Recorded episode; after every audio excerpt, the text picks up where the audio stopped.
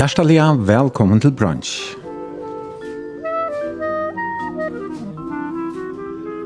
Dagsens gestor er født i 1941. Hun er oppvaksen og bosidande i Klaksvøk.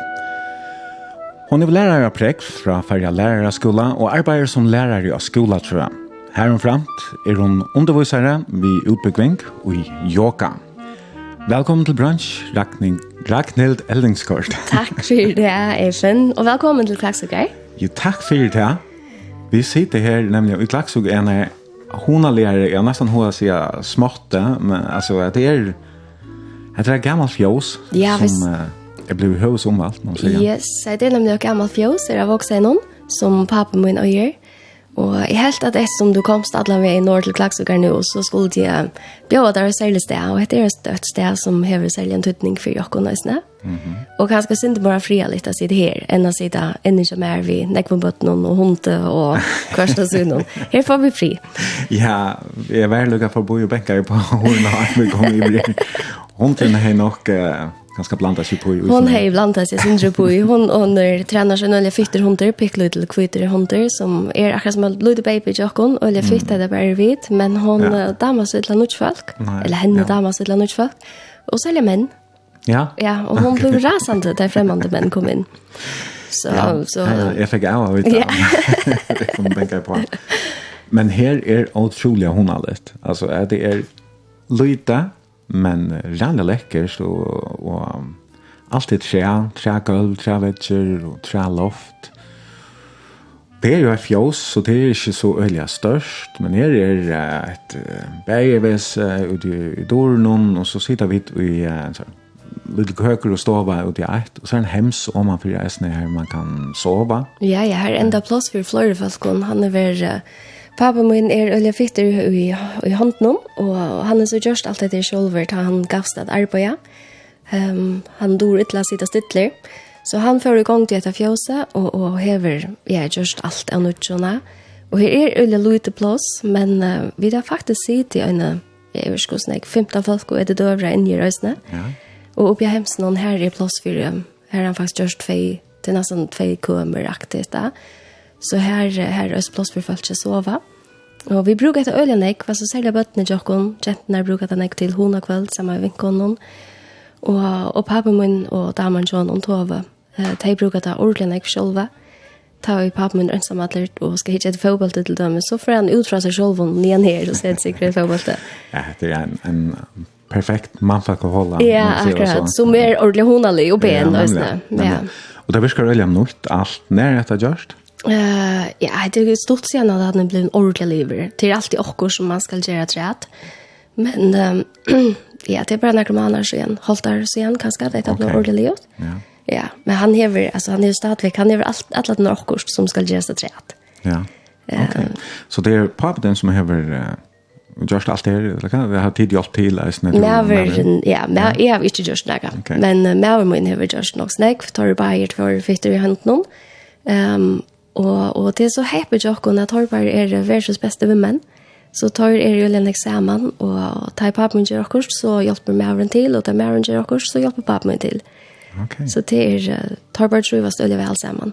Mm -hmm. Vi blir grunnet til at tar papen min er, er i Danmark, han er jo en ekve Danmark, Tove Daman Jonan, hun bor i, i Sønderborg.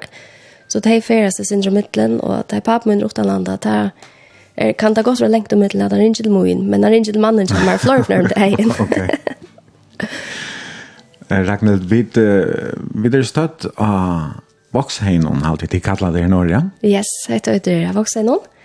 Og her bygva, ja, vi bygva bort vi i Øsne, mm -hmm. du var slått over Jokk og Njane. Ja, det er bare vi så søgne, er, ja. som det er et hus og middelen ganske. Ja, ja, ja, og vi er det som av stikker noen her som, her som vi hører til, kan man säga. Ja Pappa min bor på ved siden av fjøsene, og, og vi bygger så på ved siden av ja, ja pappa.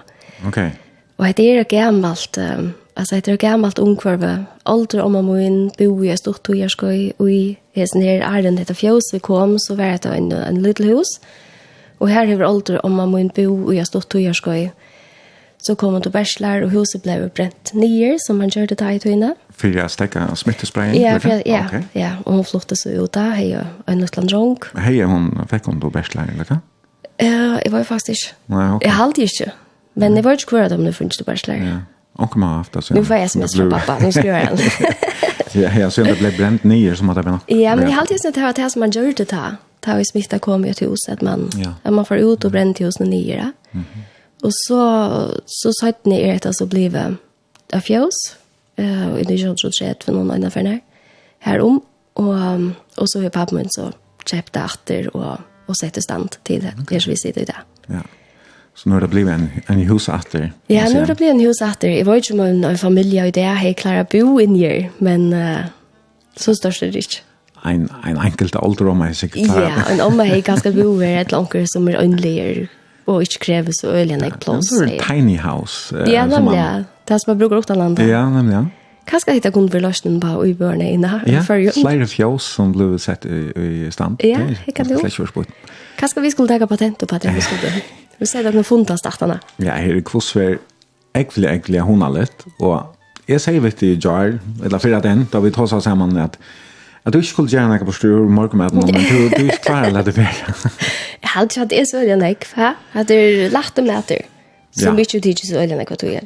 Okej. Ja, jag hade det så otroligt läckert ut ehm och här här här näck tänka barn som som jag har rätt för här och ehm er onkel raps uh, av onkel slæ, men det er ikke, ikke så vanlig vi vi durum wraps. No, alltså, akkurat. Hade er en, en mozzarella wrap som mm -hmm. du finns en osta wrap vi uh, vi pesto och rucola och tomat och leche och i. Mhm. Mm så du finner uh, melonsalat, vi parmaskinke och osta. Ja. Du finner bröd. Ja, är det ja. brødbrei er alltså. Ja, sån brødbrei, Ja. Och så är det också lekkert som ser ut som nästan som Det kommer til å være akkurat søtt slikker og idel akkurat. Ja, det er peanuts vi, vi sånn karamell, salt karamell, mm -hmm. som er kjørs til, til sånn lille brei, eller hva ikke man kaller det da. Bitar. Ja, nemlig, ja. ja. Nemlig, ja. ja. ja. Og så er ja, et mølle slå av... Um, Jeg vet, jeg vet ikke om det er dressing eller... Akkurat hatt det her, det er sur at lesjonen hatt det er hatt øyde lemon curd. Ok, ja. Og det er sånn sitronkrem som jeg helt for jeg har kjøpt fra Marietta. Mhm i Klaksvik, mm -hmm. som er alltså fantastisk till allt det som hon gör. Och att det smakar näka så väl. jag glömmer för att röjna. Nå, men nu tycker vi att det är lust lustar som begynner att blåa sin svenskar och ganska smarriterare. Det är inte olika på med att borna som vid. Men uh, ja, jag har alltid rent lux och serier på kissebär och jordbär reisne och rottelpils och allt möjligt annat gott. Så vi får ordentligt hon och hon. Ja, dejligt. Och vånande ger du som lustar reisen det samma ferdig en, en god kopp av te eller kaffe, og sitter nye ved bordet sammen med Jakob. Så vi får at uh, prate om mengt og kvart. Yes. Kommande tvær timer. Og um, nu nevnte du, nu, du, nu har vi pratet sånn om, om pappa, og mitt venter alltid til han, men uh, med og du, Barur, han var her i, i morgenleisene. Um, Du er en ordentlig klaksus kvinna, vil jeg påstanda, at du er oppvaksen her, bo alltid her, bors til enn, og arbeid her, godt nok være i havn et, et skifte, og du er snart være nye og lese et stort skifte, men, men annars størst er alltid være Ja, jeg har alltid at jeg er klaksus skinker hvis det er kå, kan jeg si. Ja. Selv om jeg var yngre, ikke dutt jeg da umynda mer at jeg får opp i klaksus, da jeg gjør det svaksen. Ok, cool. Men, uh, Jeg var ikke ordentlig. Jeg mer har alltid domt øyelig vel å feres, og jeg har feres nek, for vi er nek hva stedende. Um, og jeg tog ikke ordentlig så ikke fyrer meg ta, at jeg får være her. Men jeg var ikke. Og det er jeg også noen her som jeg platt i renna, så svart jeg ikke om min og appa min, og bygger vi mitt, og i her som familien, ikke pappa min, og har bo, alltid, eller, eller, eller, eller, eller, og en ekva. Og i det er uh, bøttene til åkken er det satte atterlig som bygger av hesen okay. bøttene her. Og jeg er stor trøyvest, og jeg elsker verre. Mm -hmm. Og bare Maudun, han er jo uh, opprunelig ærtsamhaver, men det var vel nægget godt siden du eisen finnes ikke uttale han? Ja, ja, ja, han kom også når, og, og ta vi, vi kom sammen, da var vi stadigvæk bare i tvei og synder, så vi visste ikke ordentlig hver vi skulle festa bygg, for det var som fyrt resten av løgnen eller næste, så det Men jeg hadde han trives ordentlig vel. Ja. Og um, han er ferdig å si oi og noi og... Nej, då när är i Norge, så känns man kommer in med tunneln. Jag vet inte, en har de bästa vimmaren som skulle gifta sig några år igen så helt var en en olja fitta röver för honom. Mm Och och då var väl fikt att vet det har liksom ända mal vet du men med allt fall sin flätt i alla tvinar så sporde jag att han alltså kan vara det så här så stort lite men jag har sig nej nej jag var nej jag var inte så han är blev en Norringer. Ja, jeg hade det. Han är ja, ja, han jeg, jag alltså nu ska jag försöka att svära för han men jeg hade att han tror just vel, og hever över i Norge och Govinfolk og er nok så aktiv i Kaprafällan i Norge just nu. Ja. Det då vi samman det var når var det vi möttes? Vi kom sammen i 2019. Ok. Til altså det ja, det må være rätt där. Mhm. Och det blev gift för klart trim för år sedan. Vi giftes för tre månader Iron sen fyra år sedan och i hästvärda i 2019. Giftes på er är corona kom. Mhm. Helt vis. Då vi det är. Ja, det är nog nej man finns ju löjve till att ha haft så stort brittläpp because vi är... Nej, akkurat. Vi tar det ett... Ja, vi tar det stort brittläpp. Och jag hade vet att... Jag hade vet att vi är samman och i flöjde här ären och... Och åtta böten och hade jag gerande steg, köjrande. Så... Da du skal giftas, du varst sjolver, du varst korsen gifter, øysen sjolver, ja. at så er det, skulle skulle vi tala. Ja. Hva slags brittleppet skulle vi tala? Nemlig, ja. Og vi kjenner bare två och en folk och har vært aktiv nekva stände og har samband med nekva folk. Så det var sin drag. Äntligen må vi ta et ordentlig ordentligt lite brytläpp och är man härskakon till hundra folk eller så. Mm. Hvis vi får pumpe det, så må vi ta ut vi. Og, och vi kom nok så kjøtt opp av över 300 folk, 400 folk. Så vi valde bara, istället för att halta ett vanligt brytläpp så hyllde vi en en fakna var varsla eh uh, okay. kvar vid uh, valde at, det var en del saman vi ödlundum folk noen som har på onkra mata hava og hava haft tutning i okra livet. Og, og det gjør vi det, vi gjør det det størst. Vi tøtt et veinrol folk til Bårhalde, giftes tulja og, og høtt det fyrra Bårhalde på en taftan av vuxna. Og så høtt vi et åp i hus om kvalitet, her som det kom inn veinrol folk at treat. Så vi tøtt ut vi 500 folk i Urbretleidnum. Og det var en fantastisk dag, og en fantastisk natt, og jeg er så glad for at at vi ut lukket som bare fyllte to i, så at mm. ok, det er vånande, er det bra innenfor liv nå, når vi ikke etter? så vi får bare all in. Mm. De møtte oss altså i 2019, men hvordan hentet det? Ja, det er også en annen pizza, va? Vi er var, jeg bo, var hei var nirja, bo nirja, men jeg kom hjem ved sonnen, var ønsamhet ved sonnen, og hei en av vinkene, som jeg enn har vi det, som også var ønlig mamma, vi vi henne syne, sånne. Og vi sier det så er kvalitet er, det var faktisk Norge stedende. Sånne kvalitet Norge stedende. Vi var boer, høyde boer, tors madrønge, og hadde ikke vært ute når jeg sier litt av Norge stedende. Så sånne kvalitet setter vi dere sammen. Og, og ta var man akkurat bryr over at, at chatta ordentlig av Facebook og Skype og kvart og så innom. Og hun sitter så og chatta vi en, en, en, en som hun kjente. Og vi sitter så og syndro og, og planlegger at det er sommerfestivalen kommer, da skulle jeg ha en liten varsle. Jeg har noen her som jeg bor i til Øybjørn, som faktisk bor ikke piver i reisene. Mm -hmm. og, og vi bjør hånd og vi, og jeg sier, og jeg sier så bare spøldene, du vet jeg, men så måste du, så måste du tagge, du har ikke kommet ensam alle, du måste ha omkring vi just det. Og jeg sier, han har ikke det, Jakobsen, det fleste kan kjenne ganske annet, at vår, Vestmanna, bor i Vestmanna,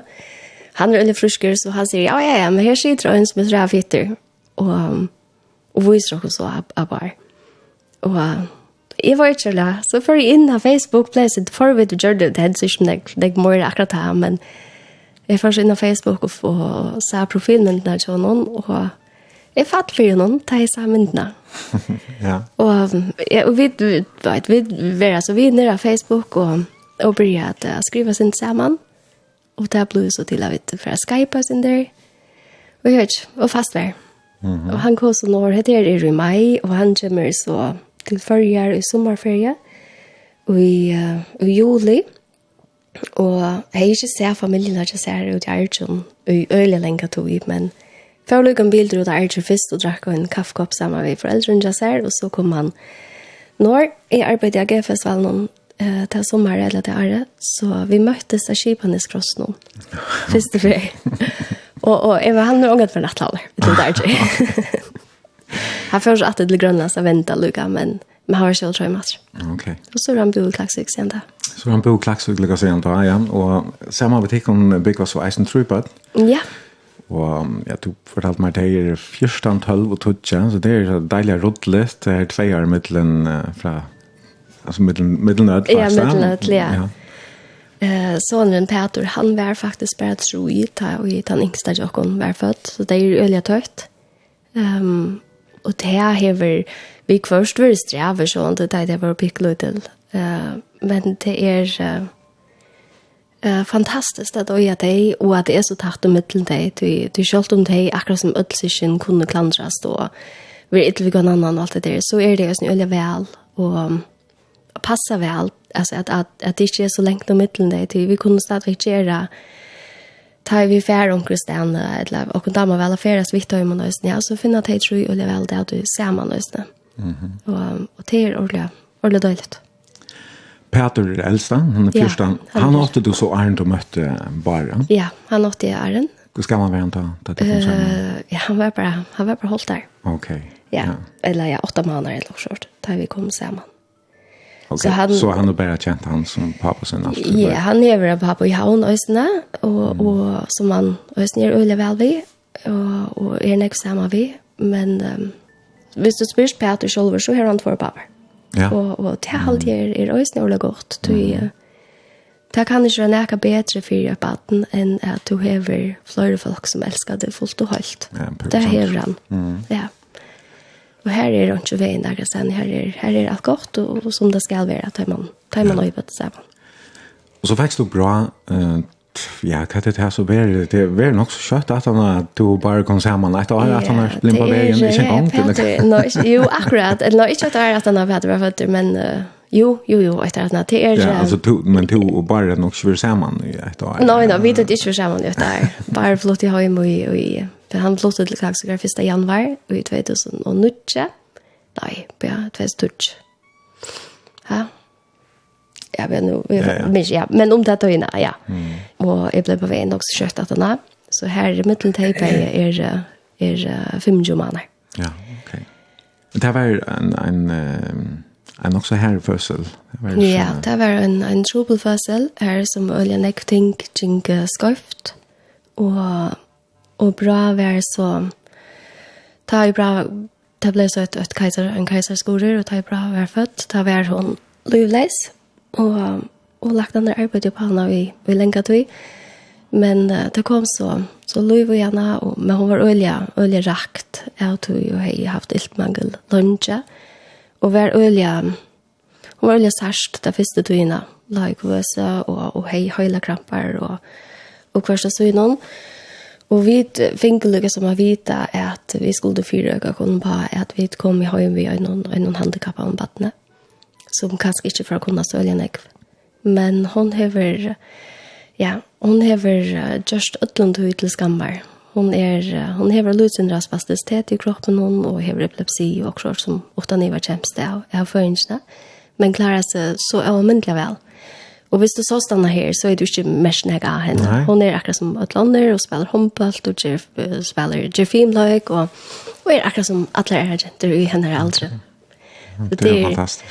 Ja, det är en sån så. Helt säkert. Men du råttar ni var var var ju öliga härsta det kan chock Hva var det som hendte? Vest du, vest du det? Man hører jo først om det her at det kan ikke gale beint av man skal leie. Ja, det som Jack alle var at, at uh, var ikke hvordan vi skulle for en ut akkurat, men jeg har jo åtte Peter i Keiserskole, og, og ta jo så vattnet før, ta jeg skal løye bra.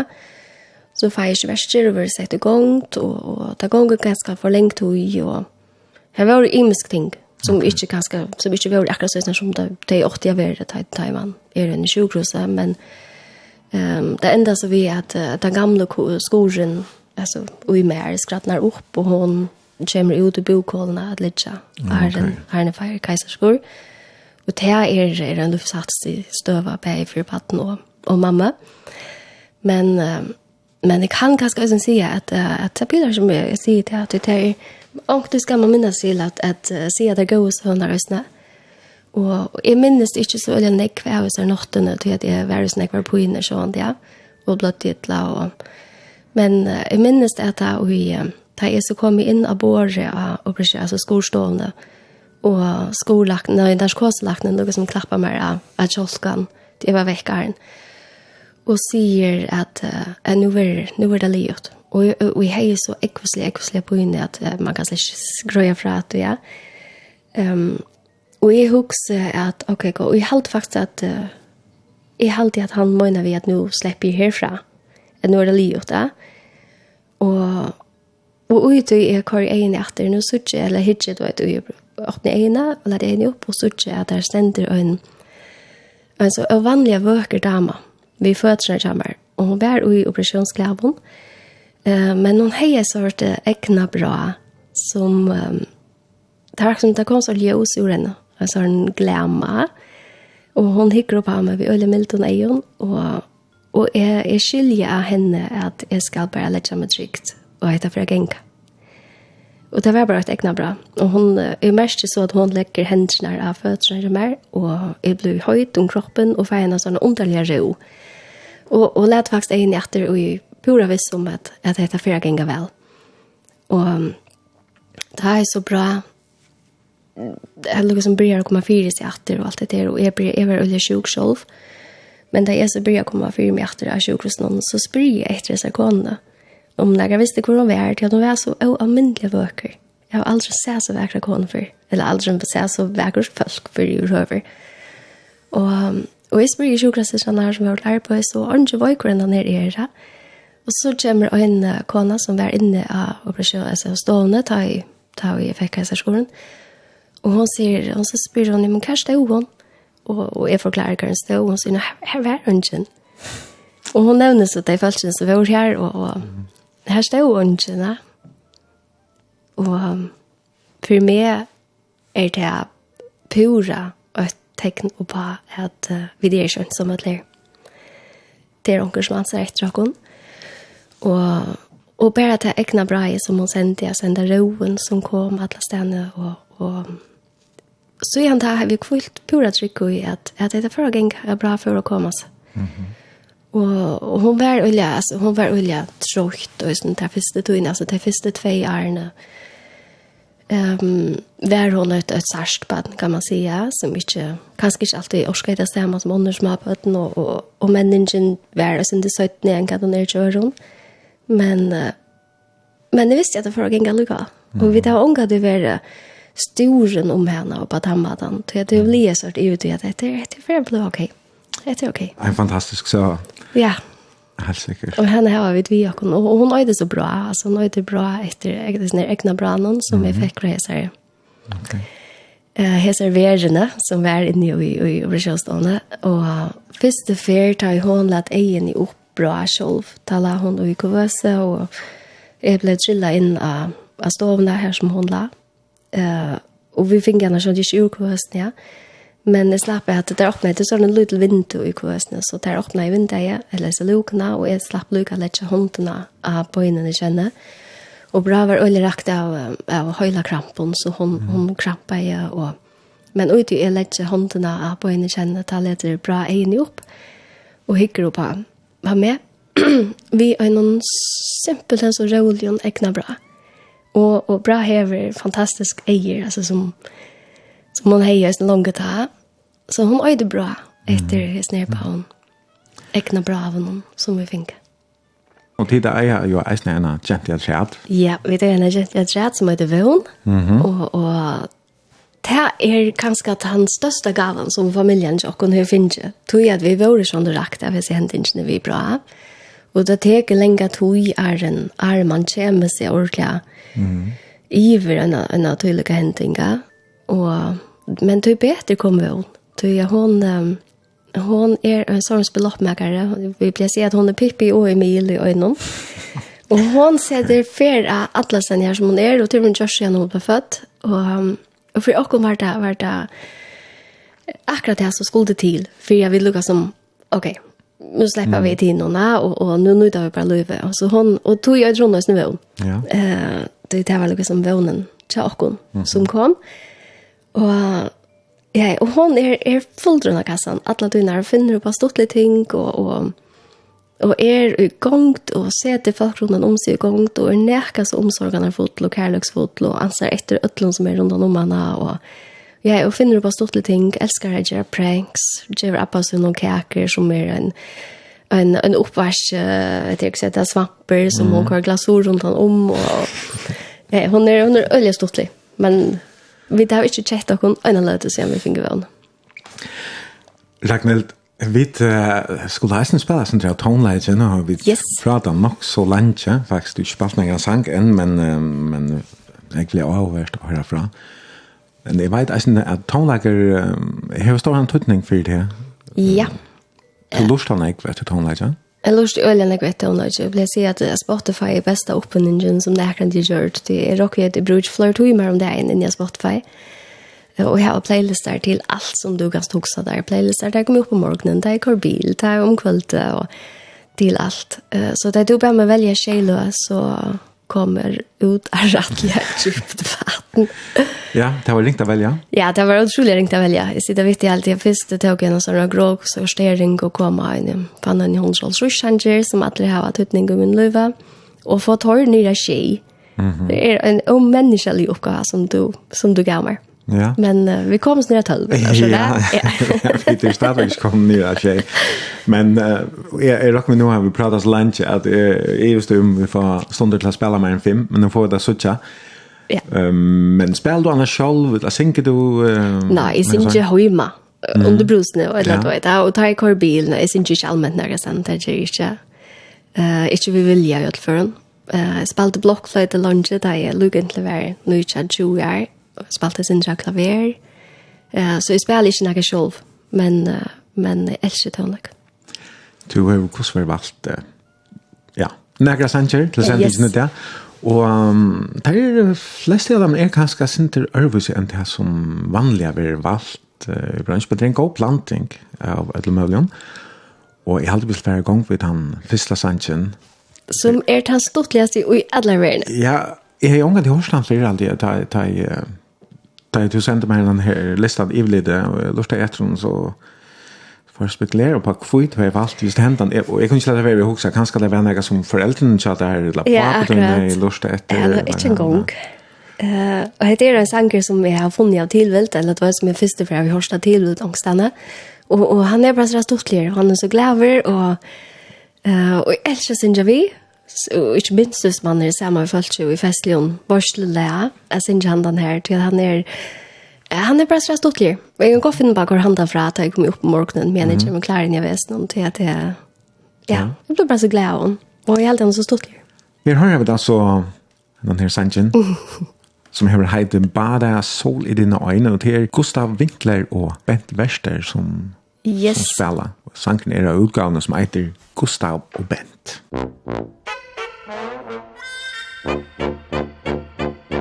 kan sidde der og gumle på dit brød.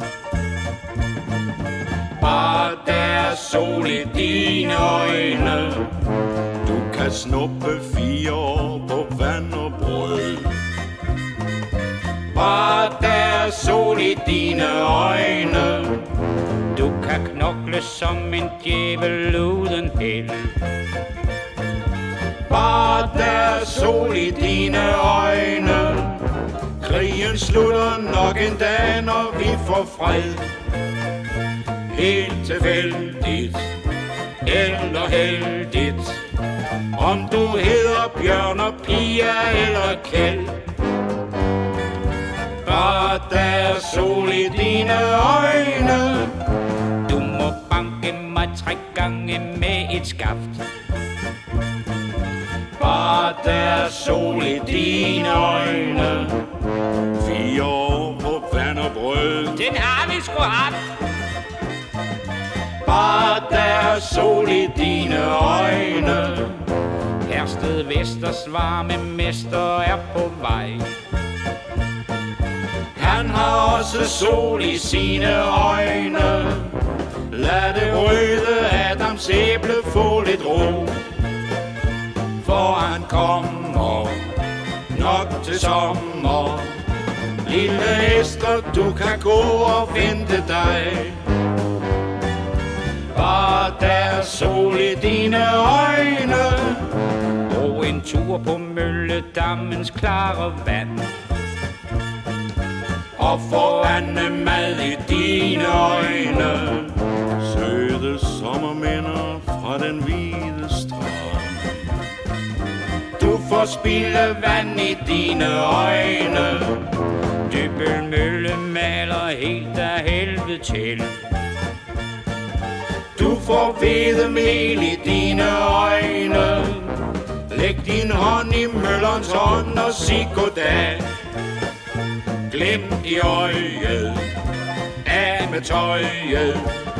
Du får fod i fejemøje, hvis du vil. Bare der er sol i dine øjne. her Der er ingen sol til dine øjne. Du må ikke rive alt det gamle ned. Du får støv og sol i dine øjne. Tag en tur med DSB, hvis du har tid. Du får gennemtræk i dine øjne. Du bliver fyret og forbrugt din sidste tid. Hele koret kører sporet. Du skal sige det lige så klogt som Gustav Hvid. En Campbell for sol til sine øjne, morkeren Det er dejligt på Hawaii. Jeg er på vej. Der kan jeg få sol i mine øjne søde lille far, man tager ved på mig. Ellers bliver jeg våd i mine øjne. Tænk hvis alle tårerne kunne blive til guld. Skulle de rende ud af mine øjne.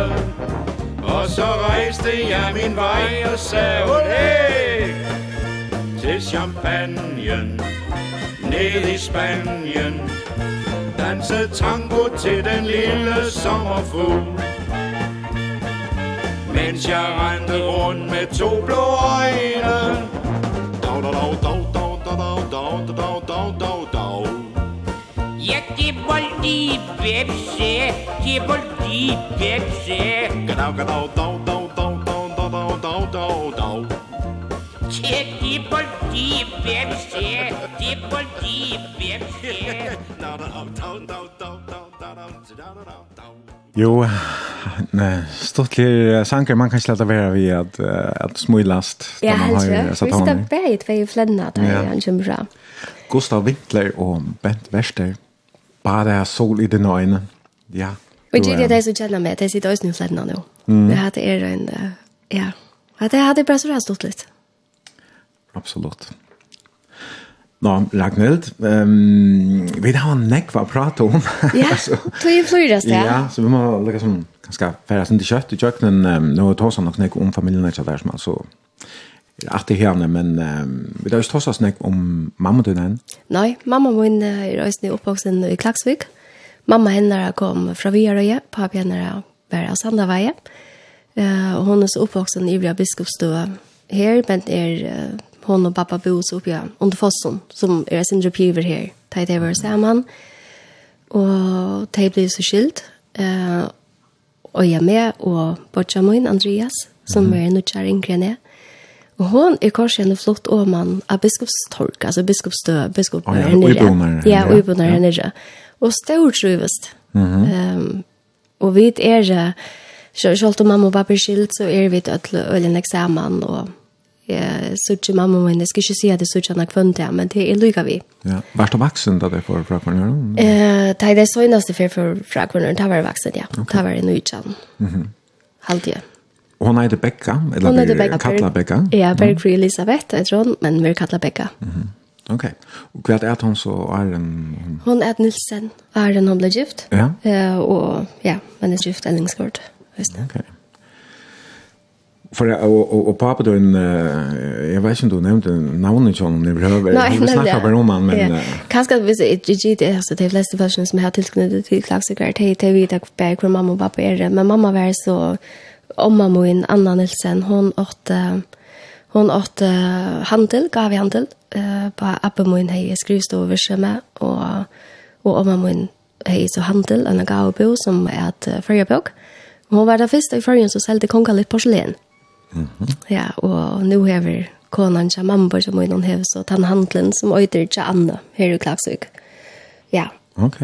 Og pappa min, han øyder Jørgen Ellingsgård, og er oppvaksen her av voksen og nøysene. Mm -hmm. um, og ute i husen som han bor i, og ute i høysene. Ja. Mm -hmm. Her bor jeg oppe min, Pedro av Ellingsgård, og da han så var gammel, så flyttet pappa min faktisk inn til hans her, og Og vær helt sikkert en av årsøkene til at Abbe kunne være hjemme alt løyve i Intland døye. Han var gammel han døye.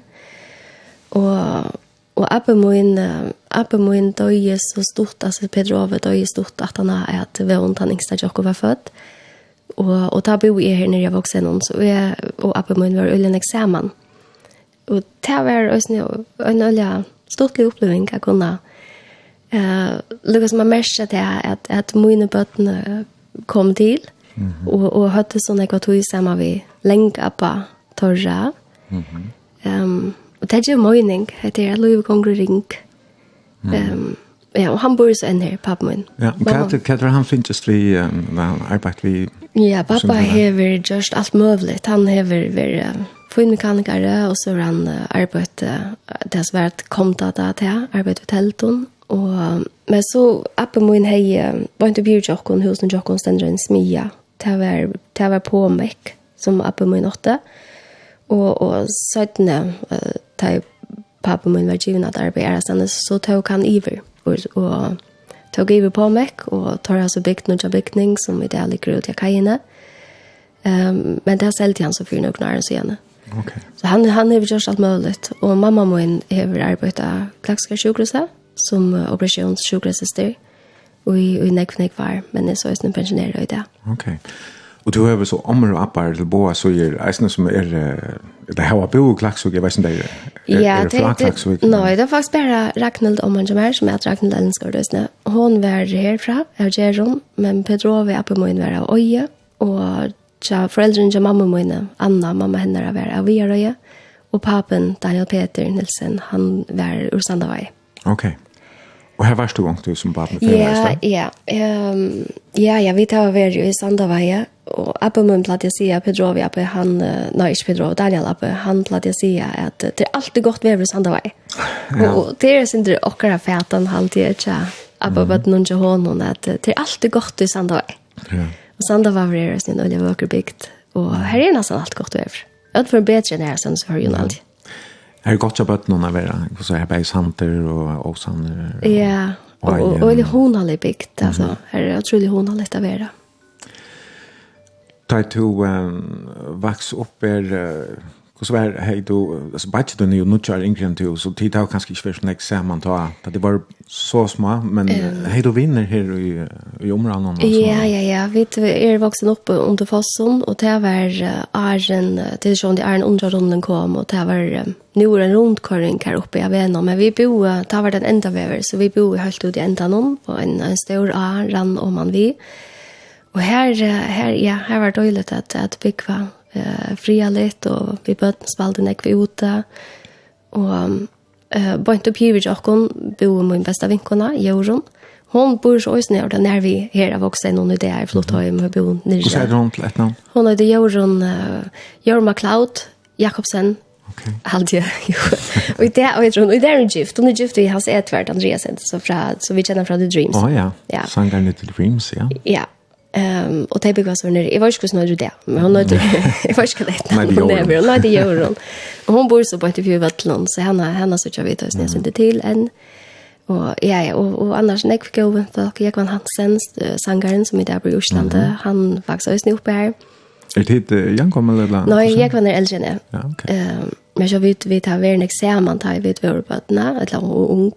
Mhm. Ehm Og annars var det nekv ut i alla sanna var det alltså Jack til skotar og Jack til blockflöjte og Jack til dans. da kom man gänga till alltså en skam dans. Oh, ja. ja, botten här i Klaxvik, der gjør vi ett nekv. Og uh, Jack nekv på testa. Mm. Sundagsskola. Och og mm. sang i Patnakora og, og eh frutjar är og och om man en annan om man en hon platt att flänna och se att det här som en hårstå öppen här för in. Så det var veldig aktivt ja. at vi gikk til like, Det var alltid damer vel å være her når det hender akkurat. Ja, og, og, og selv at jeg gjør den där altså, vær skal ut i øyne jeg var. Ja. og det har alltid ligger i stedet, og jeg synes det er etter at jeg må damer vel at det hender akkurat, og må damer vel at gjør akkurat, og få, få akkurat på sjur, og han sier hvordan lite det er det. Men at, ja, at vi er aktiv, og um, ja, ja, jeg, jeg er ikke mulig Du er jo lærer i det selv. Um, du gikk som baden i, um, i skole her når i Åsa-skolen. Åsa-skolen, det var det två skoler. Ja. ja. Det er en, en nek øvelse skole, ta en, en her du arbeider i det. Ja, for sure. søren ikke skolefolkaskolen er brøkter og almindelig nek, du beter, uh, og du beter er, er det meste brøkt til det betre. Ja Men jeg minnes ikke noe kjeilig fra folkeskolen om det. at jeg, jeg tror støller vel, og jeg er god vindfolk, og, og gode lærere, og jeg har faktisk bare gode minner fra, mm. fra folkeskolen om.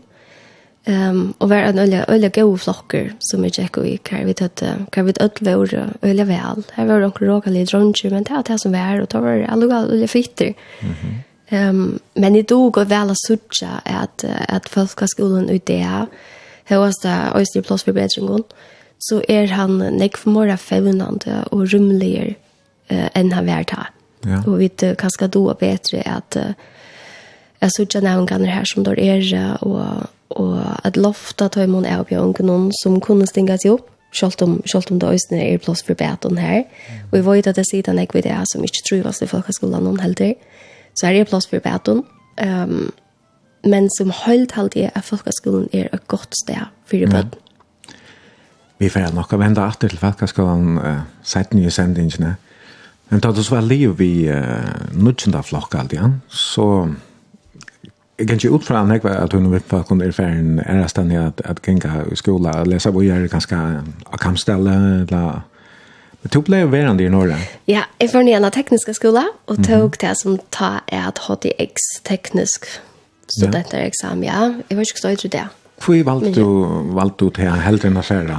Ja, for det første skulle man sikla, hvis man skulle til ångstene, og i reller ringer sjøversk, så skulle jeg stå ved tettene, eller det kunne jeg kunne være, så stilte det av flåret, og tverfrem det inn til det har skal jeg ikke tankene om. Men jeg, og det er rett og slett, altså, jeg, jeg tømte øyelig vel at um, Jeg har mer alltid dømt vel at i skola, og, og har vi haft lagt vekk i skola, men uh, det er som teknisk skole bjør i verden, det er mer praktisk. Og det er tiltellet med ordentlig lek, så jeg har vekk ikke timperdølt, og, um, og det har vi gjort... Uh, Eh, uh, har vi gjort en uh, en sånn ljøsdempere av eldöldena och okay. jag prövar forskjellige ting. Ja. Og så enda jeg vi, så enda jeg til at vi av prosesslinjene er det tak her vi tatt nekve løyfrøye og og slapp jeg gjøre forskjellige ting, altså at arbeid i laboratoriet og prøve forskjellige av og arbeid i alle prosjektorienteret og til at det damer mer, det trives det veldig vel i at man fær for seg i nøkron som man vet ender, altså det heter ikke fløy er fremme, um, men det for seg i tingene og sette sin uta og, og slippe prøve det av. Og til bjør tekniske skole ta og gjøre for en møyre, og litt større mån enn hva det er skole gjør det. Og, og jeg tror det er veldig vel her, visst. Ja. Og slapp å prøve nek. Og vi fikk et sånt, så hadde jeg sånn frelse, jeg som hva lærerne høtte av litt av oss, og, og låte oss slapp å prøve alt mulig det Og, Mm. -hmm. Og jeg tror det stått litt. Ja. Du fortalte meg at du er i en tone-like. Ja. Da du leser uh, Jack AHTX. Ja. Ja, jeg fikk tonløk til Søgnas Are da jeg gikk her, og da var Stønto Rasmussen, han var lærer i Jamar, Og, og her kom vi på så å kjennes, og det var om akkurat som tog som tar byrjave og på Studio Pegasus i Norge, mm. som var et, et lokal utvarsp, så sendte vi på i samstår vi, vi Kringvarsbø og vi Rastvei. Ja, og Arne, vi å prate mer om Pegasus og alt det her kreativa som som hände i hela tiden att det var det var nog en spännande tog Så hade vi sparat uh, spännande sankaträtt. Yes. Och eh ja, du har valt uh, Proud Mary vi Ike och Tino Turner. Ja, Och det här också, nu var det så ringt av välja. Mm -hmm. um, det, jag kan lusta bäg efter det Gustav Winkler och Ramstein och allt möjligt. Så, så, men nu säger ja, i dagens anledning nästan, han nu Tina Turner, ja. just färden. Ja, hon tar ju fyra dagen. Ja, fyra, ja, ja. ja. En kvinna som har haft otroliga stor antydning, bäge innan tonlägga sövna, men också som kvinna, att, som litt kvinna, att mm. stända fram och, och ombor öljande positivt og størst og, og størst kan vilja. Så vi får at lortet henne. Vi bør ikke snakke sånn om Turner, men vi kunne halda henne til tiden. Jeg halte nå, ja, ja, så hadde så tog sammen om til at, at her var en, en ikke særlig pen skilsmisse, terramitten, ja, og han ble visst nok dømt for harskap, men ja. bestemt. Uh, Eller jeg var faktiskt som var men ja, men det en øye turbulent tar jeg torra mittlen. Men Tina kom stark ut etter, og, och och det Atlant hemma för føtter sin her. Det gjør det jo. Og hon lägger som tejpa i gjør det sammen, alltid er själver.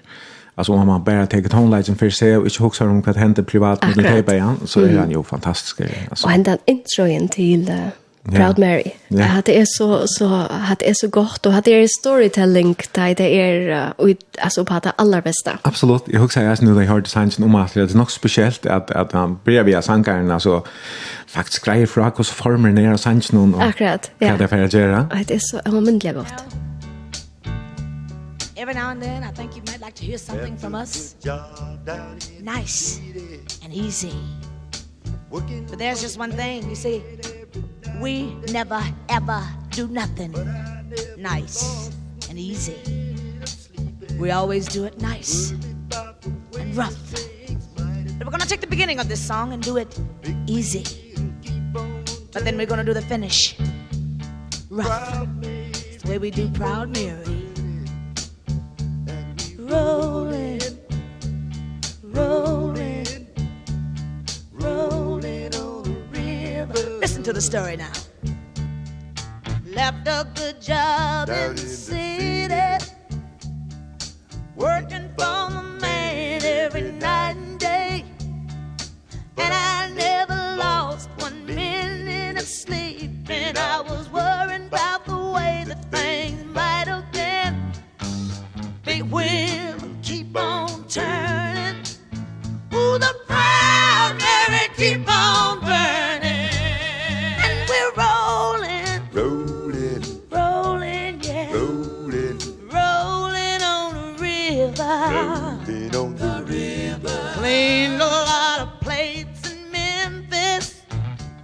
And I pumped a lot of tang down in New Orleans. But I never saw the good side of the city Until I hit the ride on a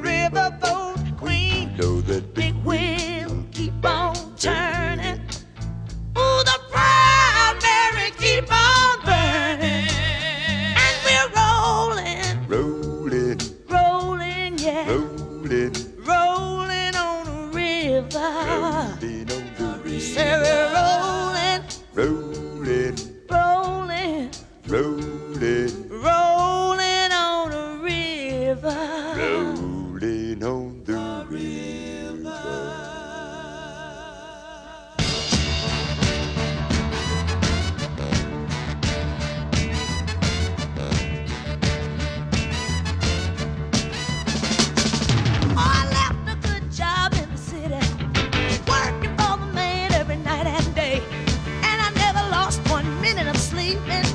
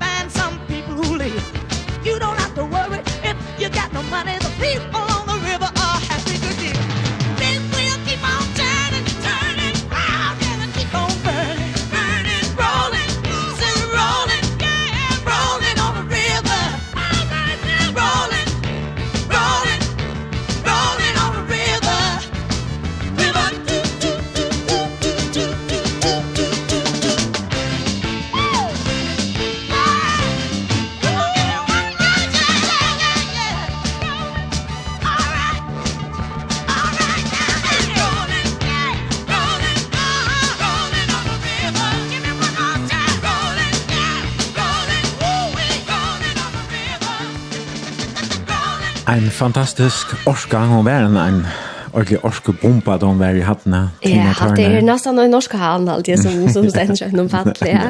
At det er ja, karvelt. Ja. Og, og, og hvis man ikke vil glede over av at, at, at lort er her sånn, så, så har det også skjell i høttene. så man har vært lagt ned. Deilige toner. Ja. Det var altså Eik og Tina Turner og sangren Proud Mary. Og til er Ragnhild Elnesgård, som er gestor i brunch i morgen, og vi sendte beinleis av ja, jeg måtte sagt Vox hedge, men, men de sier av Vox heinom. Jeg halte vi sier av voks heinom. Ja, ja. Ja, vi bygger voks heinom. Ja, Arjen uh, vid uh, Karl-Janan her Sanchin fra, så pratet om HTX, og du fortalte at uh, det var første før du møtte Steintor, eller kom å kjenne han, han var lærer til der i Tånleitje. Ja. Det var om det måtte ta i Studio Pegasus var stående. Ja. Og det var et, uh, et spruttlande omkvar, man sier, at det her kom jo alt möjligt borster ur um, tonelager uh, version det eisne en pastor av i jag var nekvar uh, tonelager utgaver jeg kom også en cola rötter som tar festa det var jo ja, ett produkt fra Studio Pegasus och to hur eisen var nekvar sammen vi brand i ende og Ja, vi uh, brant enda ända eisne, uh, var ofte her og, og tog upp, ja. Det passar. Og så kom jeg også om Peter Vichelte til dem. så eisne, ja. Ja, han var ofte her, Arnfrid Lutzen, og Jekvann Hansen, de var resten parster av Kola Ja, de var det Ødler, og, og her var, her var, det var utrolig stort litt av en parster av tog ut, det var så nekv imisk folk som, som kom sammen, og, og sånn det først og fremst folk er nåre fra, men det kom jo også en är ærestenes mm. i landet någon kom nåre at, at spille inne, ja. så vi først var det, du vet, bo i onkelbølger her i en vike, eller tver viker, og Um, og det ble så gjørst et utvarsstudie i samme sammenvirkningen, så du har jeg et tøvnlegestudie og et utvarsstudie, og så en liten køk og en liten stov, jeg tror jeg kom til ordet. Mm -hmm. Ja, men jeg sa det oppe i halsrommet, ikke? Ja, akkurat. Um, og det var, det var en øyelig stort litt ui. Uh, Hva er vår uh, tøgnafest i oppgaver i Studio Pegasus? Jeg minnes det ikke en gang. Vi tar seg om det hindene i Østnes. Jeg har alltid at jeg bryr jeg ved å gjøre omkring ungdomssending, og Uh, og så ble det, vi gjorde alt mulig, ungdomssendinger og badnasendinger og uh, tøvnlagersendinger, og så ble det, så, så halte jeg at jeg har nok mest gjort uh, sånne folkslige 17 par sendinger, lokalradio, og, mm -hmm. og, i, og, i beste format noen som uh, hver man er ordentlig lokaler, ja. Og, og togjen var en ånder altså det var slugget lagt av ferie som midtelen, midtelbygden her og åtjer som det er det, og Og, og det er veldig som er rønt, altså sånn det kommer folk fra uttart noen rundt omkring øsene, men kanskje ikke i Lukas og Måns man gjør det i det. Og det var så rønt at gjøre, at gjøre lokalt utvarsp mm -hmm. her ur byen. Ja, og, da, jeg nevnte, stod du på for der, da vi pratet sammen fredag dagen, så så sier du selv, ja så vi kan godt ta så här och ta som det her Klaxvik versus Havnen. Akkurat. Um, ja. Det var kanskje et eller annet her, var en eller annen kamper også, ikke? Ja, og, og kanskje en kamper som vi er i øyne folk som ikke har det skilje.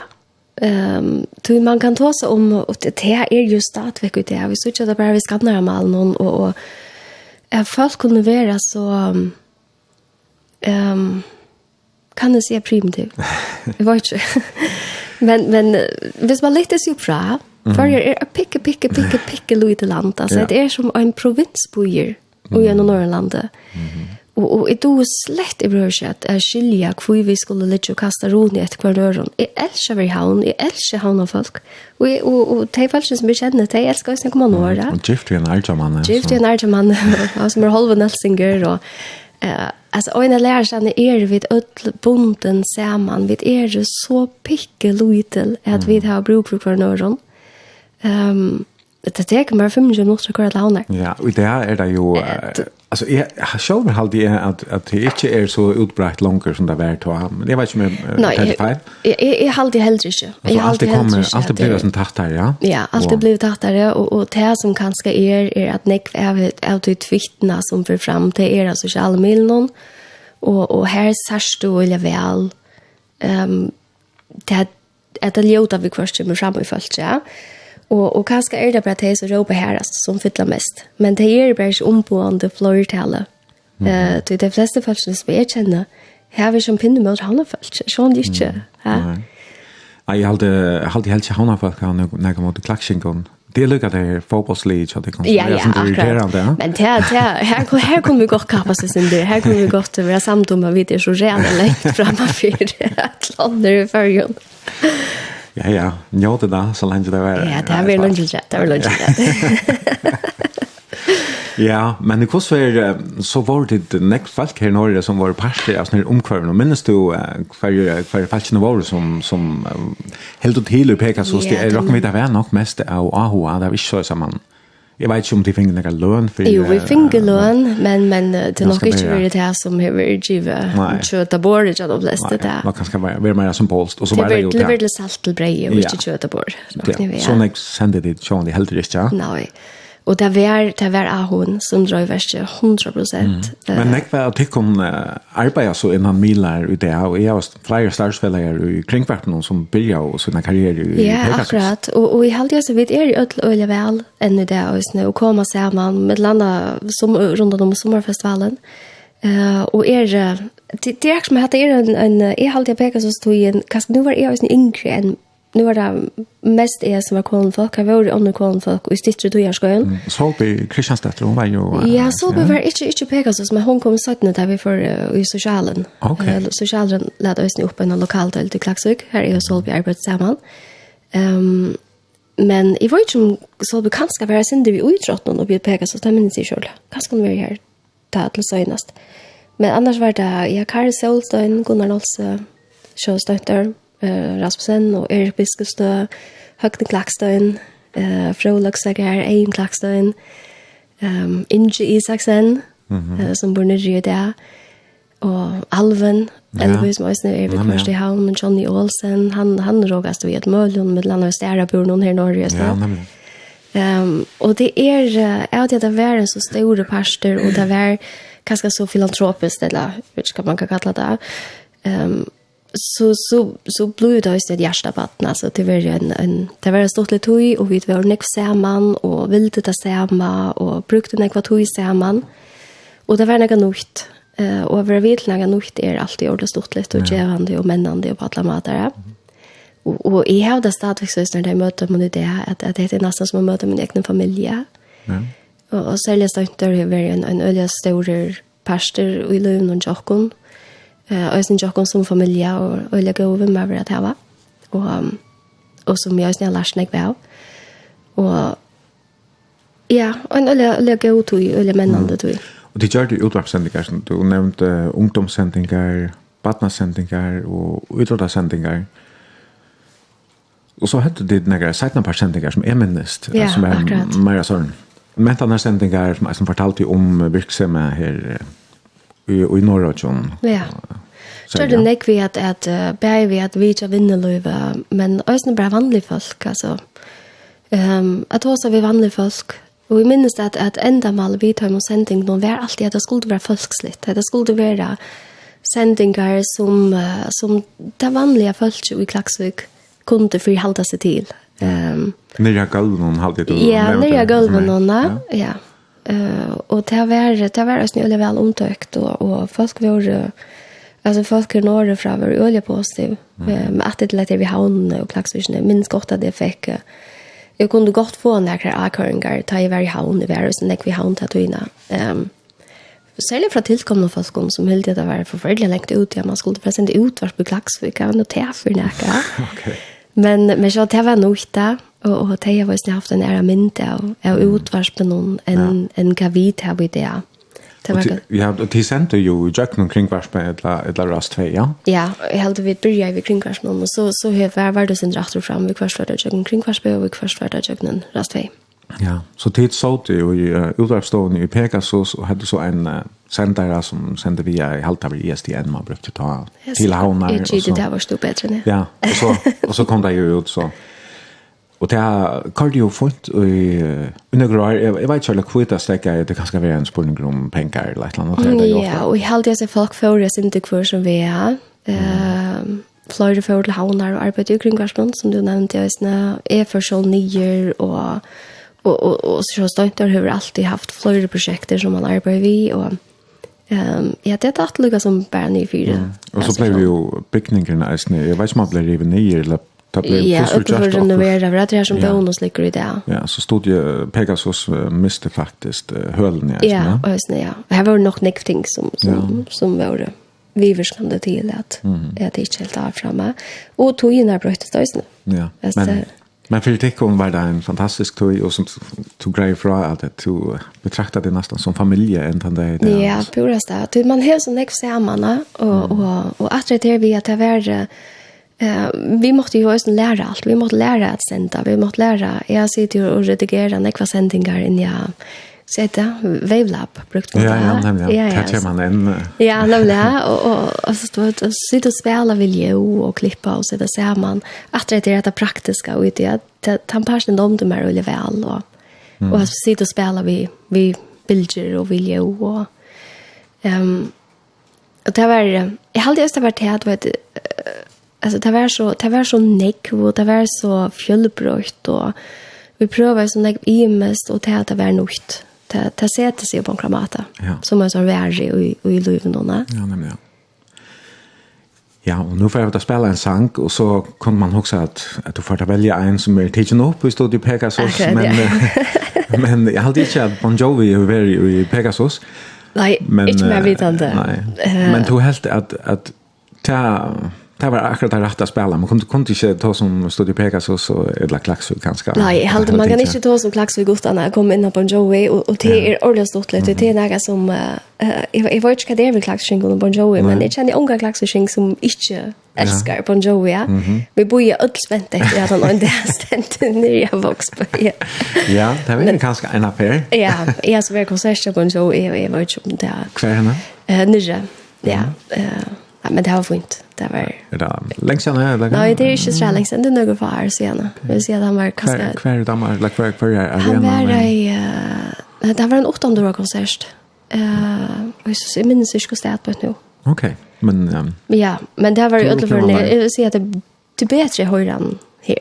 ok. Ja, enn akkurat det. Men det var stort i oppleving. Det var det.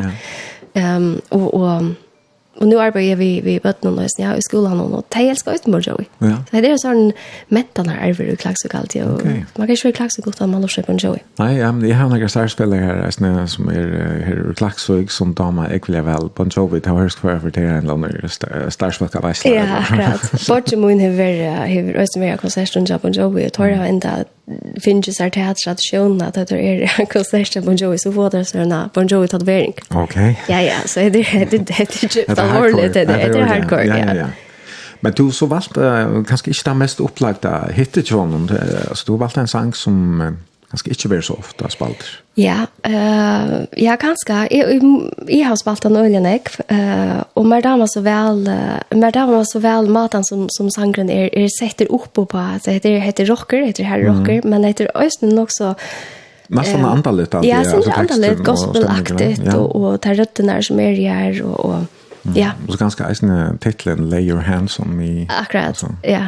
Om det är andligt eller kroppsligt, jag vet inte, det kommer det. Kan det kan man så själv vurdera. Det kan man så själv över det. Vi har det här Bon Jovi, Lay Your Hands on Me.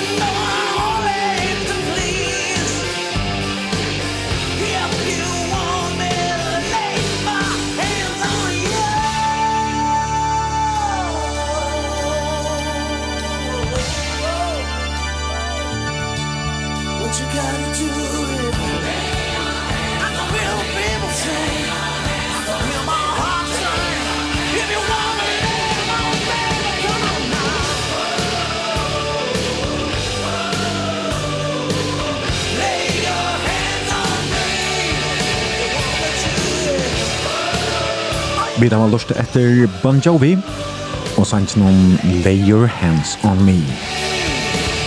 Og til er Ragnhild Ellingsgård som er gestur i bransje i morgen når vi sender beinleis i Klaksvik. Her Bon Jovi er rattliga väldomter, man säger. Ja, det man säger. Lägg du mest till att det är orkla. Ja, ja. Så jävla cool. Cool detalj. Ja, det, man, kan inte, man kan inte vara klags vid gott annat lust efter Bon Jovi. Det är allt. Ja. Så check. Ja, så check. Bon Jovi, ja. check. Ja. Og Studio Pegasus, check. Check. To um, byrja att arbeta för socialen sosialen stort att han har. Det var nok også vi at uh, sosialen, han åpnet gjerne till den här redaksjonen här i Norge. Ja, og det var, det var også da jeg ta peka så stod inn her i Korsdesenter, så, så minnes jeg så spurte inte med om uh, Han har haft samband med sosialen og tar til till at leta en, en lokal redaksjon opp her i byen, en her som han har kontor i Klaxvika. Og, og jeg nämndes då for jeg og Solby. Så til arbeids her. Og, og Solby hun arbeids og enda vi, vi Milona. Det här var också när jag stod i tog.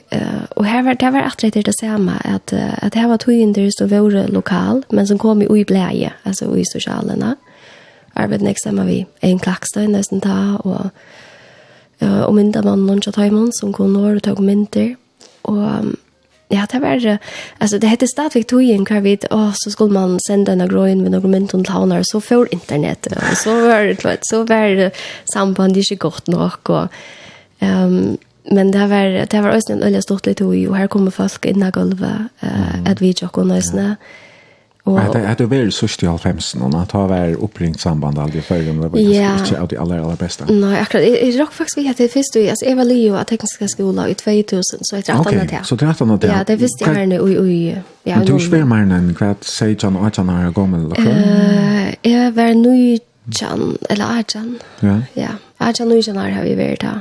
Ja, ja jeg var ung. Mm. Ja, jeg du flott til havnar det du var, nøytjan. Ja, og så var vi, vi var nemlig, uh, vi var her uh, av sosialen og gjennom tog, og så flott jeg til havnar, og arbeid, har vi arbeidt bare av sosialen og i dømmeletting i havn, og i kringkarsmån i tog i røysene. Uh, men det fer reisen jeg var atter fram, altså jeg får uh, først arbeid i havn, og så får jeg lære skola, men uh, med korden jeg etter atter fram, eller silte ta og sånn, uh, og gjør det stadigvæk omkring sendinger, fire peker, altså vi peker så smierne, Er medan jeg bor i Havna. Mm -hmm. Så skiftar jag skiftar sin till mitten alltså. Ja, så är allen det man lätt och och ta Pegasus. Och ja. tog konkurrer var i kring kvart någon några sommarferier och hej onkel så par känningar i samma vi Kara Solstein och Trond Vatnaberg. Ta man börja ju på det och just det så att sommar så ett par känningar där och så där. Ja.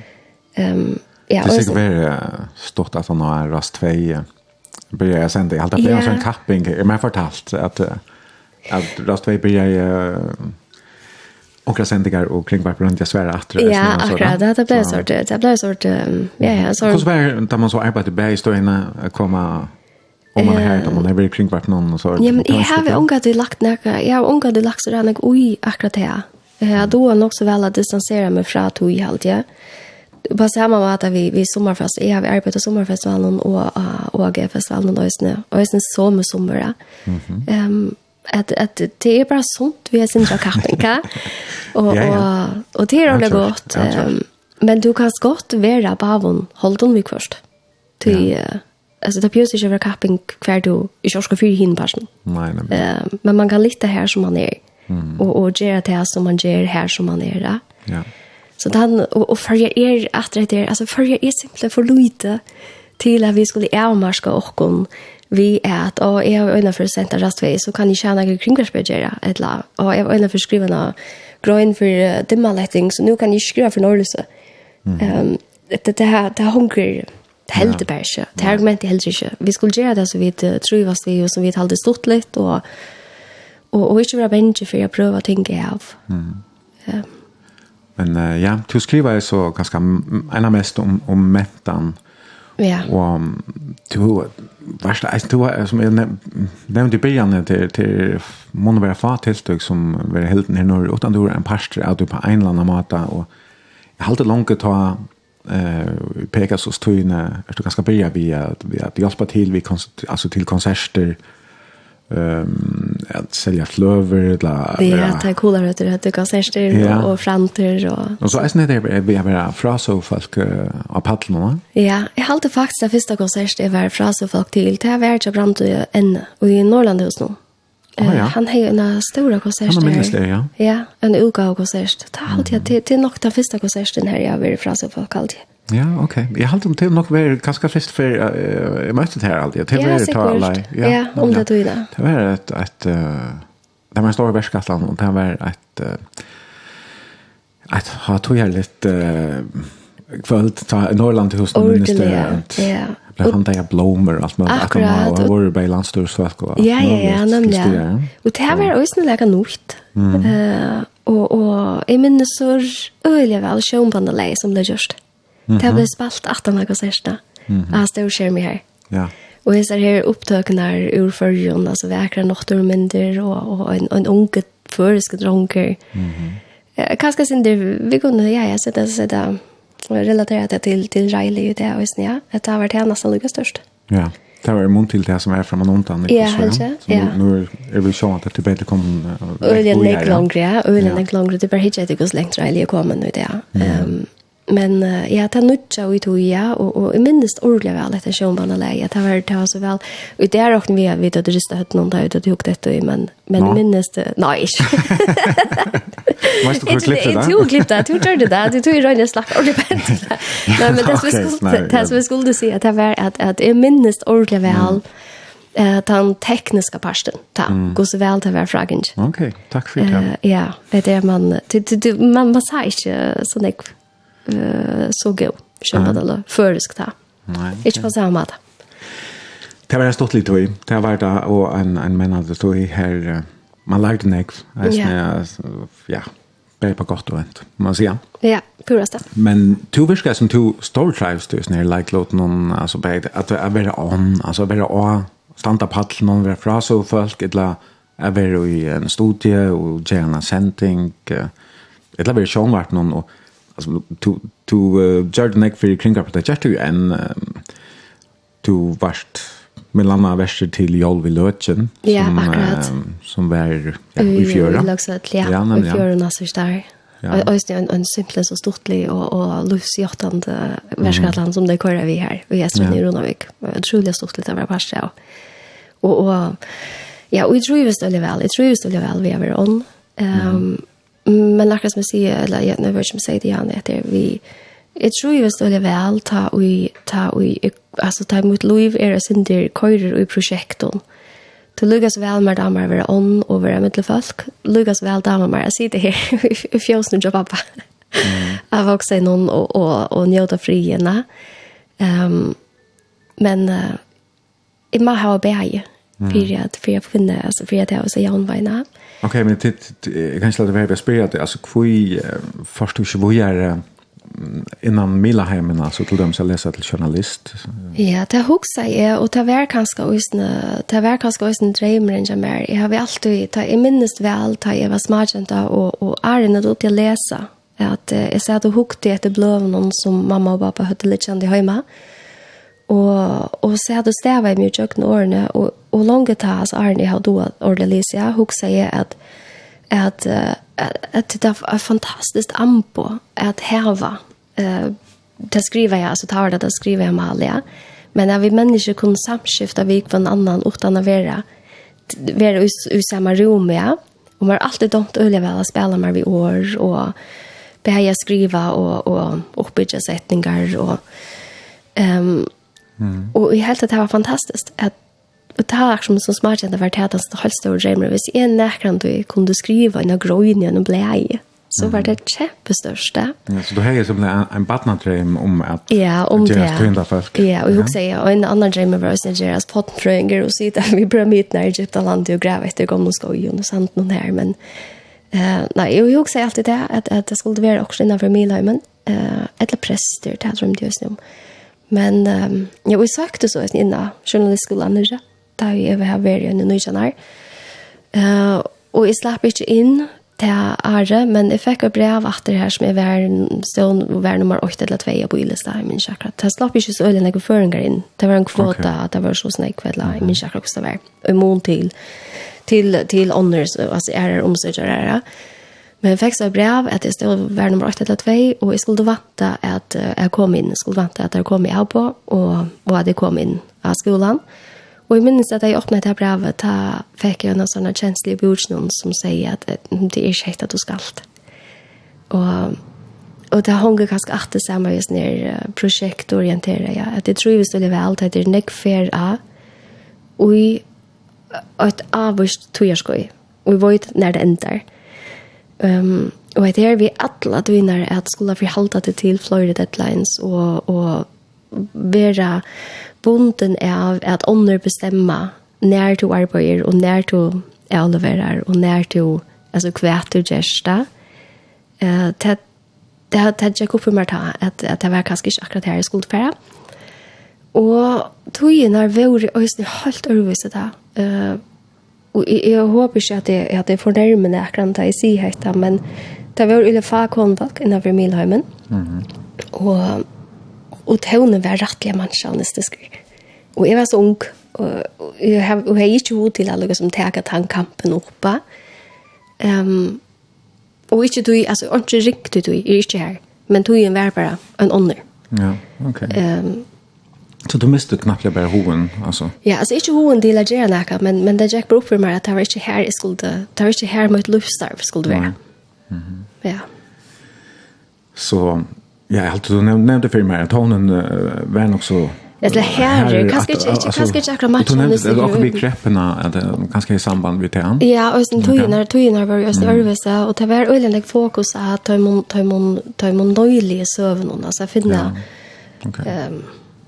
Jeg håper ikke at nærkere misskylder dette. Jeg er ikke ytla møyning, slett ikke. Jeg er ikke ytla møyning, det er jo beste møyning, men tog inn er vore øvrig, ja. Og, og jeg følte ofte at det var nok så tungt at, uh, at at tåne var så, var så nøylig og en større parst av tog inn, ja. og sånn du tåne mittlig journalister er, er kontanter, det er ikke her. Men det var, og det var sikkert tog inn her, hvis ni hørte høyte en avskan av det, og jeg var kanskje bare frung. Ja, okay. Til at... Ja Men. Jeg vil heller ha det stort litt. Ja. Og hukka mer, eller annet, vet du, ja. ja. Ja, og hva gjør man så, tar man, uh, så vi gjør det her som unger er klappsøk? Hva gjør det det? Her når, jeg, jeg har kanskje ikke vært så, så jeg vil bo noen her når, men så vidt vi var i havn, og eh, bo så i havn her, var vi her, jeg vil bo innom, og Og hugga jag går nu jingle till konserter, preferjar och allt så det. Hur når det bara mer Bethesda och Ja, jag vet att det är en lågt bra här som dansar okay. vore och ja, preferjar rösten vi är ju klaxvik och ehm Jeg vet, ikke, jeg hadde vidt hugga jeg kom bare, da jeg bor i her nå, da jeg var i 14-15 år, da ta jack man atter och fram och med under på innan för check om alla poster så så jack man det ut och efter det var det. Och på jag efter bla bla bla. På jag från bilen eller? Inte långt fick det drunkor kom och säger liksom, "Nej, kom kom till ja. Så kallade vi bilder. Ja. Och för i tunneln här, alltså tunneln norr om fjäll. No. Här pratade vi ta ver oss nu och hade förfasliga oss vi kom. Okej. Så satt vi förfasliga oss in i så kottlen där i vänteplatsen där. Ja. Och så släckte bilen där och så lustade vi detta spökelsen och tuffle trappon och man kan höra ett ett gråtande batten. Eh och i en tunnel. där gjorde vi då ofta Men seriöst? Alltså ordentligt så jag heter ju bara men, men det är vinter eller något eller Ja, det gör det. Det gör akkurat som en ny finger som, som gräter. Men du ska vara där och löta järn på hörda. Ja. Och, och det ska vara kvist. Mm eh, ta med vara fria lite. Det här kör du ofta. Och platt jag ska spela, så spalt vi det en spöl ut tunneln. Alltså tog ju värre än andra. ja, men sikkert är det sån här när bara sitta framför den här tälten men ja, okej okay, ta ta högt man också video alltså nej och så lägga i video filmer och så. Filma och man var ordliga vi är någon så kunde man lägga två filmer till ett rikskift ja. Och så bjöd man folk in. Alltså. Det var ofta onker som hade lagat film och så var det ganska 23 folk som var inne i film. Mm. Det var så jävla stort lite. Um, och så vi, man var, vi var samman på en annan måte mm. än, en man är i det. Um, och det var det. Ja. Yeah. Vi får spela en sangatrat, Ragnhild, og um, ja, du har valgt nærkere sånne eldre sanger. Jeg vet ikke akkurat når jeg snir fra, men til Ray Charles og Natalie Cole som uh, synger sammen. Jeg rockner vi igjen fra Trusjnån, men... Ja, det er gitt, ja. ja. Og, og jeg har vært laga i fire tøvnløse fra Trusjnån. Jeg lurte jo lekk etter, etter gamle tøvnløse, men jeg lurte jo, altså, også etter nødgjør. Jeg lurte ikke så reelle lekk etter det nødgjørste poppen som kommer i det, men... Uh, Nek vet gamla så, och nek vet alltså rock och och techno och såna och alltså så som Ramstein och ja ja. Ehm alltså det spänner eller vukt kan gott lusta efter någon någon stor symfonisk konversa och och kan Rammstein fra på inte att någon av och så för att du och ja. Men hva er det akkurat vi har som sanns någon som säger att uh, du valde den? Ja, alltså det visste jag aldri hur i och sänds någon är, är du mest väl mm. det stemningen, stämningen det, ja, det er det sin och så Og också vi tar om Jan, det er kanskje ikke beste opptøkene vi Ray Charles, så det er kanskje ikke, hun er långt over bedre enn akkurat her. Men uh, her er det så här syndig skit i vet du. Og det är att damer mer och vel, mer damer och vel blues til dømes, lort snakker det blues til lunch. Det är det här, jag syndig skitna och syndig skiten gitarriff og, Ja, hva er det hun sier, Jag kan bli han i enda av noen, Ray, you're not right. Ja, ja, akkurat. Ja, jeg vet ikke. inte. Det är sin dyrt, sin det skoft og på den gode maten, va? Ja, ja, han han räcker kanskje ikke alle tonerna perfekt, men uh, hon synker helt helt helt fantastisk, fantastiskt energien her er et eller annet, Helt særlig, särskilt business hands nu. Ja. Ja, men lad meg nå høre höra. Yes. Det er altså Ray Charles og Natalie Cole och sankaren Fever.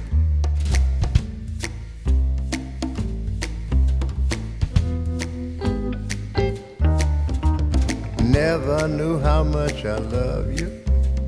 Never knew how much I care. When you put your arms around me I get a fever that's so hard to bear. You give me fever. When you kiss me Fever when you hold me tight. Fever in the morning. Fever all through the night sun lights up the daytime. Moon lights up the night. I light up when you call my name and you know I'm gonna treat you right. You give me fever. When you kiss me fever. When you hold me tight. Fever! In the morning I'll fever all through the night. Everybody's got the fever. Oh, that's just something that you should know. Fever isn't such a new thing. Fever started long ago. Yeah, yeah, yeah, yeah, yeah. Oh, tell about it. Romeo loved Juliet. Uh-huh. Juliet, she felt the same. When he put his arms around her He said, Julie, baby, you're my flame. I'll give it fever. Fever, fever, fever, yeah. When we kiss it Fever with thy flaming you.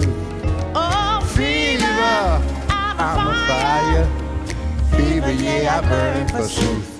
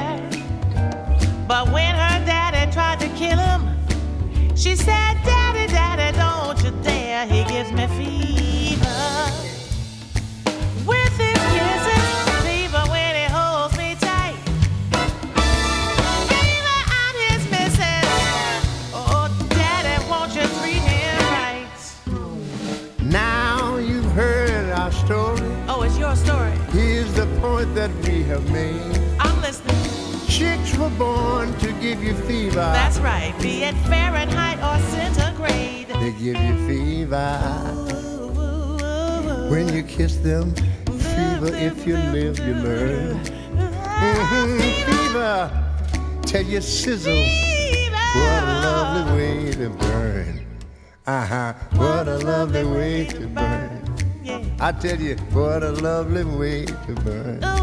All right now, what a lovely way to burn. I like that. What a lovely way to burn. you ain't right, Ray. You ain't right, Ray. du och bassen här. Ja. Du hade ja. Hade var Ray Charles och Natalie Cole och sankaren Fever. Och det är Ragnhild Ellenskart som är Jester Branch och Markon och väldigt hon Og vi sender altså beinleis og klagsvøg til som lurer velkommen. Jeg sender en helsan, en av imerkning, et langkran spurning, av 24.00, og av Facebook, her blir reisen til å skrive til brunch. Og til kom der, lunge nære helsaner og bare skrive inn. Ok, ikke nå. Og i samband vi at du greit fra til Kardin Tomleir da vi var ung, og så, så skriver en uh, hei og gang morgen til er i Lorvegar tunnel noen man kan høre på etna grad. Ja, ja, altså ikke rundt det er i Lorvegar tunnelen. Det kan man kanskje sted. Det helt, altså om du kjører tunnelen var det Nå, akkurat, da skulle vi sikla. Ja. Uh, og jeg minnes ikke akkurat du kvarjer tunnel etter om du er første det du kommer til 8. fjerde, eller om du er til neste tunnelen hjemme, har du vatnagraden. Ja. Men det var akkurat i Øtlund tunnelen noen hele ja. året. Hvis du først litt kon i her, så kunne du stekke mitt. Og, og det er alltid det fast at du venter venteplass nummer tro i det er første stedet, ja. det er det nummer fyra, og jeg minnes ikke nå hver det var.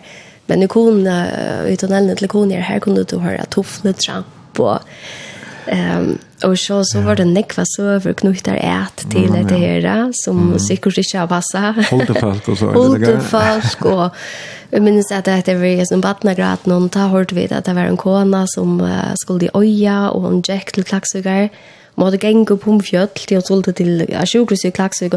Og det er også, det er ikke veldig sjukhus i Klaksvik da, men Ja, ja, og så, så åtte hun av vennen, og badene, altså åtte opp i en fjalle, og badene døye, og hun måtte grave det nye, og i moldene her, og...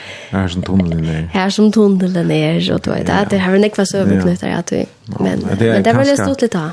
Det er ganske sånn tunnelspyrplikt, det, man... Men ja, akkurat det. Badene grad. Ja, og, og sånn det er ferdig, du vet, altså 20 folk, 30 folk, vi får nekve bilar som, som stekker i her, og så får vi det ut i bilen, og i bøler mørkere, og... Det, det var stort litt. Ja, ja. Jag var ofta gratis här till det ble bent. og han lukade för natten. Og han lukade för natten, ja. ja. Nu spyr jag ångte dig fortälla ju munnen på den da, Så spør jeg det, åh, kom vi från Lorsta? Nei, nei, nei, nei, nei, nei, nei, nei, nei, det passer ikke. Nei. Ja, men du gjør det så lite någon av HTX. Og for å arbeide røykevirken noen, at han er stått og gjør skal Ja, det passer. Jeg vil arbeide fisk, ja. Men det var øyelig stort. Jo, jo, ja, det var, jeg vet ikke en gang om det var en mann. Altså, det var, det var øyelig stort. Det var en stort karriere. Ok, ja. så var Tamadon er kanskje ikke en typisk klaksjinger? Nei, akkurat. Uh, nei, men mer det må være fra flåtesort. Ja. Har på min og tar og gjør har en gamle trist, mm -hmm. som tar ungt ut for ut til at jeg gjør det vel, at sier det her, og ja. medpakker vi, og ja. Mm -hmm. Jeg gjør det ikke reellig ofte, ikke lykke ofte som tar. Men tar jeg over, så er det ordentlig, ja. Du fortalte at du har en, en badnadreim om at gjøre journalister, men brøtte så hoksan, og du får så lærerskola på et tidspunkt. Hva var det som uh, gav deg hoa blant lærere? Um, alltså lärare starva jag jag är för ta i value Texas skola och börja röjtis någon så ringte ta varenda skola till mig och spurte mig hur jag var vikar uh, siste tror jeg, var det her. Uh, I stedet for at arbeid. Jeg fikk fiske, mm -hmm. og, og så tenkte jeg, ja, det er det det stod det kunne forstått pröva. Och och för att for å slutte arbeid och og sånn, det var det stadigvæk bare nødgjene. Jeg var, nekve, jeg var nesten jankolm i det som gikk nødgjene og nødgjene. Men det var veldig stort litt, och mer om til å leve vel, og trøft til å leve. Var det, väl det sånn sjøgrøpkar, sier så då? Eh, nei, fast, nei, var fast, ja. Fast okay. hjemme, ja. Mm -hmm. uh, och var her i åtte år, ja. Ja ja, og så sagt jeg lærer som arbeid. Jeg har også arbeid som hjelper folk av en badnagere her i Norge. Men jeg søkte så innan lærerskolen. Uh, Begge timer om det vel starve, men også til at jeg får ikke man skal tåre si etter den ideen, men ta hver hukkboren og jeg synes ikke at uh, hvis du, det er alltid godt at jeg har en lærer, du er selv en lærer. Jo, jo, hun kan bruke sin leg. Hun kan bruke sin leg. Ja. Uh, så det er vi at, at jeg tenkte, ja, ja, men det er men bara alltid damer väl i gynge skola och ja.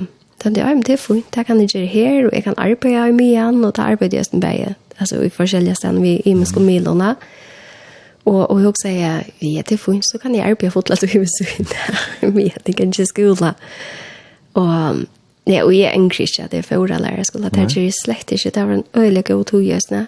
Flottet du til Havnar da? Eller? Jeg var flott til Havnar Arjen, oh, ja. ja. Mm.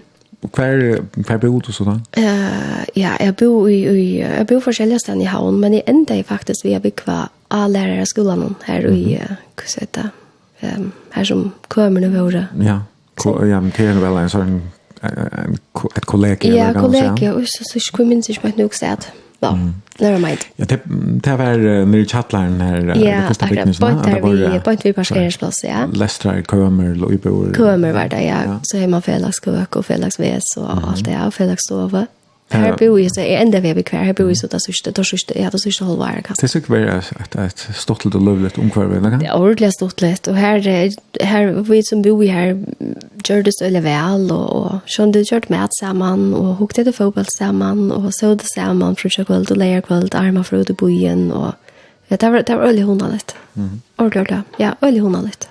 Hva er så høvesveitene, hva var det som du valgte? At, at, ja, jeg har fra lærerskolen noen har vi søve og, og samtlagsfag, um, og, altså søve og samtøy, og, og idrott. Mm -hmm. ja. Nå du nevner idrott, um, ja, du, du nevnte i begynnelsen at du sparsker jeg løsende av fotboll, og det var øyelig stort. Svemmer løsende. Ja. Men, men ja, hva uh, valgte du akkurat idrott? Ja. Alltså mer alltid då, alltså mer alltid damer väl att vara aktiv. Är är bara kan är kanske inte akkurat hållt utrått. Ehm jag har inte orla.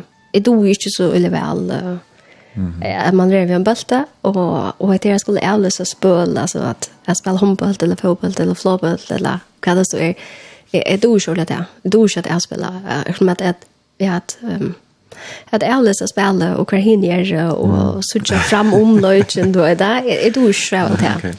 Men jeg har alltid dame vel at jeg var, da var jeg i gang da. Jeg tror kanskje jeg det var at du var en eller gående utrettet lærere. Akkurat, Eka Jensen, han var en fantastisk lærer i Papetun. Og han var ikke masse ikke lort i det, men, men Papetun må være øyne av de mest inspirerende folkene som er nærkant vi har. Mm har møtt. Okay. Og, og det er møyne, og det er ikke først for å si Det Det har jeg sagt er sånn Mm -hmm. uh, han var jo gammel da vi tatt igjen. Mm -hmm.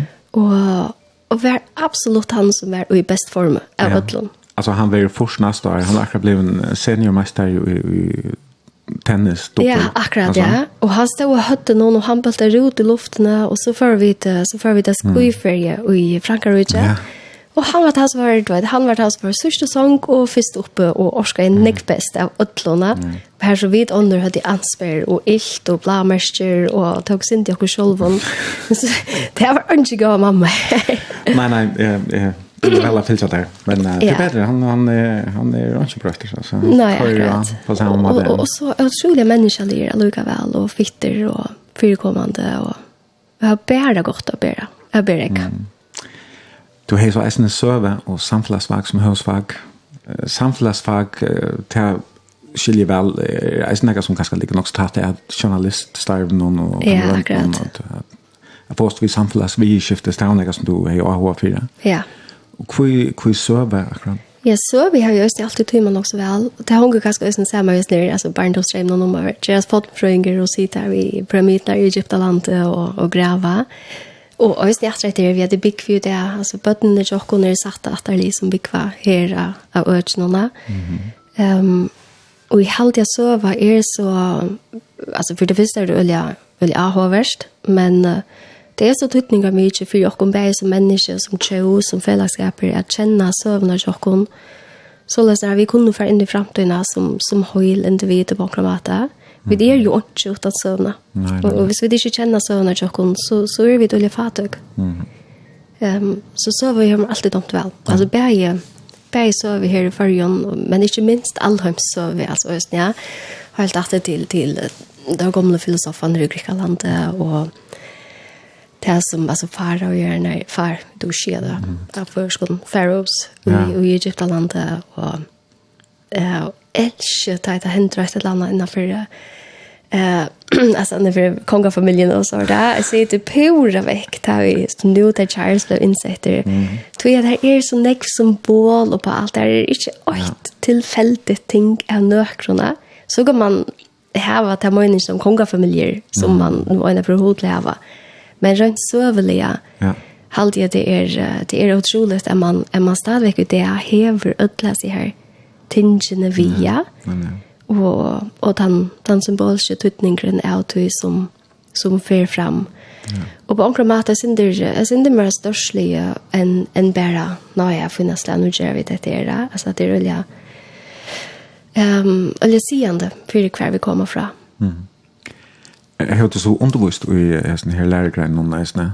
Ja, jeg undervist jo i søve, og i det øyde det så søve samt, og ja. Mm. Og så underviste jeg i enskån og danskån og kristne okay. og idrettigeste. Så server samtidig er kanskje slag, sammenkjøring med samfunnsfag og Ja, da du kommer opp i, da du kommer opp i, i ja. Hadel. Da er det, når jeg først er det, da er det vattnet, når jeg var vilje til jeg var i sin samfunns, uh, samfunnsfag her, men uh, ja, og sånn at jeg vet at jeg var sove og, og få nærmere å sette seg selv, han er noe i, alltså jag ser det så själva i mån till sövna att då att att knyta tingen samman ja. och och det som händer i det i det samhället någon nem kvar hem därifrån och skilja tutningen natta för det som är hänt ja det halt är er ordentligt av överst säljer vi de unga att arbeta vi tog ut att vi först du arbetar bara hat väl där Ehm och vi först är där. Alltså jag ser jag ser hela lötnar ta vi ta vi ett ungt människa ser. åh, Mm. Och vart det tog? Ja. Vart det ok, nu, oh ja, nu, nu forstand jeg. Det er, det er godt godt. Ja. Ja, du undervisar som du sier, jag har deltene, eller det som vi kallar for framhaldsdeltene. Ja, akkurat, ja. Og er flokslærer, ja, snö. Ja, vi är flokslærer, som nutjende. Det er for, altså, ur folkeskolen, og nå, som er for, for, som färdigt nutjende, men Florida om att färra, för att gå just nu. Okej. Okay. Alltså då det var Leo och lärarskolan 2006, uh, fick du så starb, um, Her norr på veien, eller hver ble du? Nei, uh, jo, jeg kom norr og arbeidet det første året at han har i Valio, uh, men det var en av mest, det var faktisk arbeids i ungdomshusen her norr. Huset lade opp, uh, og kom arbeid sammen med Bente Gregersen, som var ja. første løyeren. Så jeg og Bente Gregersen og Løyvor Vitalis, som i det er gift i Bente, vi tror jeg arbeidet her, og, og fikk det opp å køyre. Og det er jo så, altså, noen av mine aller beste vennfolkene i det, som... Mm som vi, vi kommer veldig nek sammen, vi er løyvere, så jeg der løyere ikke mer i skolen noen i det. Og beinte, beinte, jeg og beinte er øyelig vel, og, og kommer nek sammen. Um, og at det er det var en bryr nek nøyte, størst nek nøyte opp. Og det skjulig stått litt høy just. Mm. Når fikk du så fast der som lærere? Ja, så for nye, jeg var her, jeg var her og der, og så for jeg arbeid bare i husen og i skolen, og så for nye bryr jeg på en av, og det er oppbygging, pedagogisk uh, antropologi, folkealvisfrøye. Mm Eh, men i gjorde den slitna så blev på vägen och kom hem i Petra sin någon sån och och för ångat neråt. Ehm och så för ett arbets här i skolan om ta vi ta i bandspåra för vi har någon vali och det vi ta i utvisen nu tjä. Så har vi faktiskt arbetat sent här. Okej. Ja. Realien är kvar. Är sån. ja. Det är kvar 14 år sier han? Ja, første lærer, sier han, ja. Mm -hmm. Det er vi her, det er vi her, men jeg arbeider også Nyrre, med en les, arbeider jeg i en skole Nyrre, Fredriksberg, skolen okay. med Sørene, mm -hmm. uh, undervist her også. Uh, ja, så jeg, jeg vil lære det. Og det er en ekvar. Ja, og i løtene, fyrre er du prøvtøkere? Ja, akkurat, han er ikke der først, ja. Ja. ja. Hvordan er det? Det er alltid stort litt. Uh, det er sånn det er så det og, men det er vøyt man også, når man underviser i hatt og alt det, at uh, At det kom inn i mai og juni, ta er det veldig krevjande viker, hver man bruker nekva tui og nekva orske, og skal få alt at lukka som henger opp, henger sammen. Men jeg har alltid øyne at det er stort litt, og særlig at det er vi, um, kanskje legge ui nevn kan at en prøvd til hva pjørs for så farlig. Altså, hette your time to shine, eller du vet det, og lærere sitter alltså den läraren och den protomaren som är till stigar till han har protokö inte att det är en god låta för det. Eh Ange sitter här och inte at at det ska gänga illa för näkrarna. Och och så också med att uppleva det här att att de har varit hit där vidarna som de har funnit i skolan men också i hemmen fra och i samfunnet funnit det. Att de har hit där till sin och då att att att tror jag Lucas som grejer fra sin egna år och visar det att jag har skilt samman hänger och så. Det är aldrig ordentligt stort lite att uppleva. Nu har jag vid för togna Ulan Egg om tekniska avbjöringar vid flere innsløy i vike, hesa vikna om AI, artificial Akkurat, intelligence, og det er någon här chattrobotten som man kan få hjälpa sig till att skriva en stolfyrelse mm. och så framvis. Så jag kan inte tro att det har varit några bröjningar är snö bara så här första år när du var väl Ja, det är otroligt näkvar. Skolan är bröjt näkvar. Ja, och särskilt kanske det så stjärn. Mm. Uh, och och hade det ordentligt avhörs check allt ja. Kvar kvar är tankar du till om om hästakna? Ja, jag vet inte ordentligt. Alltså jag jag hooks ehm Sjålan det er det er det er det en vansi i at du kan komme opp til prøvtøkket og, og spørre en robot hva du skal skriva, og så kopiera han teksten, og han er feilfri, og du aner skal sentrere. Det er en. Mm. Men hinveien så husker jeg at, uh, at det er en pastor av tog togene som vi lever i, og etter en vi ødlån tøymon av som det hever, så er det noe som vi allukal må for halda kun til, til at det stekker ikke her. Og, og en av for hava den äldre generationen är en och hon röst den rista hötten och internetet kom. Mhm. Eller rockmaskinen kom. Eller rockmaskinen kom, mm -hmm. eller ta MTV vi håll natten mm. där kom in i alla stover. Ehm um, så det är också så vidt uh, inte det vi inte skulle börja som motor, men vi skulle inte börja som motor, bara fyra börja som motor. Vi må finna en mata att bruka helt och på som är till gaktens för mm. och Ja. Och är så väl att nu man tar så eller några färtelefoner till dem så att jag onkel nå det sitter och en skärm allt det där men är så till dem väl så så Petra så någon jockon att ta tar vi männer samman ta kvar av telefonen av flight mode. Så if I simply fatter någon ta. Kvar har fortalt dem at jeg skulle gjøre det. Ja, og jeg vet ikke. Altså, jeg har så inte sagt det vet Og, og, och en god lärare kanskje. Ja, kanske. Ett låter bare funnet det att du selv. Mm. Uh, det är bara mat att vi då är ni här att alla det att hon unke att te färda bedre at uh, er ferast og isner til allgilda heimnon enn hva vi gjerra. Det er jo født inn igjen. Og ikke tog jeg, er pura, pura, pura grøy iver at det er øyene hver av Bjørn visst vi. Og her er øyene kjeilig ting øysene som vi, som vi skulle Lukka så finna rundt og ja. Lukka få fotofest ja. Så ja, akkurat. Men det er ikke bare ringt. Nei, Og det er nok helst det her eneste avbjørngene som er i Falkaskolan. Nei, akkurat. Folk sa det nå for tunna, men, men hver, hver helt du annars avbjørngene litt? Ja, litt for kanskje noen til Østene langere prat. Um, Men selv det først og fremst er det kanskje det er vi at vi vet at folkeskolen ikke er det rette for ødel. Og, og her kanskje her merkes det ofte at man berges til mødrene kjipen, altså noen system med som kan ødel ikke tro fast og at nærmere ikke har det godt, og det skal vi bli bedre til. Men så halte jeg også at vi um, Jeg kan bare si som foreldre, at jeg halte alltid også at jeg vet, jeg vet skilte folkeskolen noen som stående, mara viring. Tui bøttene jokken er bruka en øyla ståra tui avdara løyve og i folkaskolan saman vi ørenvaksne folkon enn en mer som mamma og pappa noen. Og ankursvekna kanskje skilta vi folkaskolan mara viring. Tui det er øyta og det er sørg bare vi at vi er saman med starfellon og sne at det er en øyla, øyla, øyla stor orska jævlig orska som veri løgt ui er skapa en goa skola der för okra nærmgar som bok som gengur skolan hon är. Ja. Men samtidig så hører man nesten ikke om, om foreldre som onkel kallar det curling för äldre det det så att slä och så är det det som ganska snäva var öliga höga förväntningar till sina böten och gärna vilja pejsa det fram. Akkurat. Och man hör ofta att fällskapen alltså det kollektiva faktiskt skulle är under truste fra til enkelte, ja. så egocentriske. Purast det. Og til, til øyne kjæk som, som jeg selv halte at vi må sette håla for et eller annet. Og vi sier kjæk hos større parster der av våre unge som ikke tror i oss, som har salarier, og bjørnger, og imenskonsle, og det kunne være nekvar årsaker til. Og jeg skal ikke fære, jeg får ikke at, at jeg skal ikke underminere det.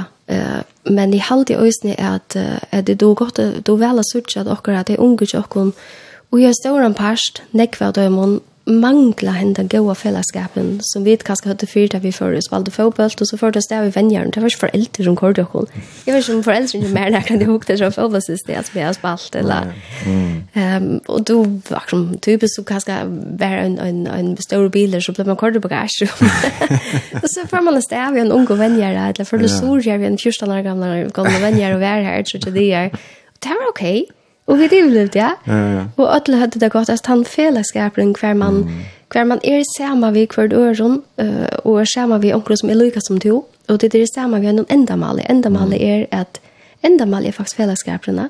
Ja. Och så fällskapen fast ju vunnen dist. Och och onkel det kaska följa att vi manglar sin det han eh ta känslorna av en fällskap kvar fällskapen är teker outgerer bäj utåt i skola och alla stanna hver individet må rette seg inn etter at, at det er avgjørende som er tikkner er til gagnens for fellesskapen. Mm -hmm. Det beste for fellesskapen. Det er ikke alltid det som er best for det. Nei. Ikke alltid. Det er nytt av lydet ikke.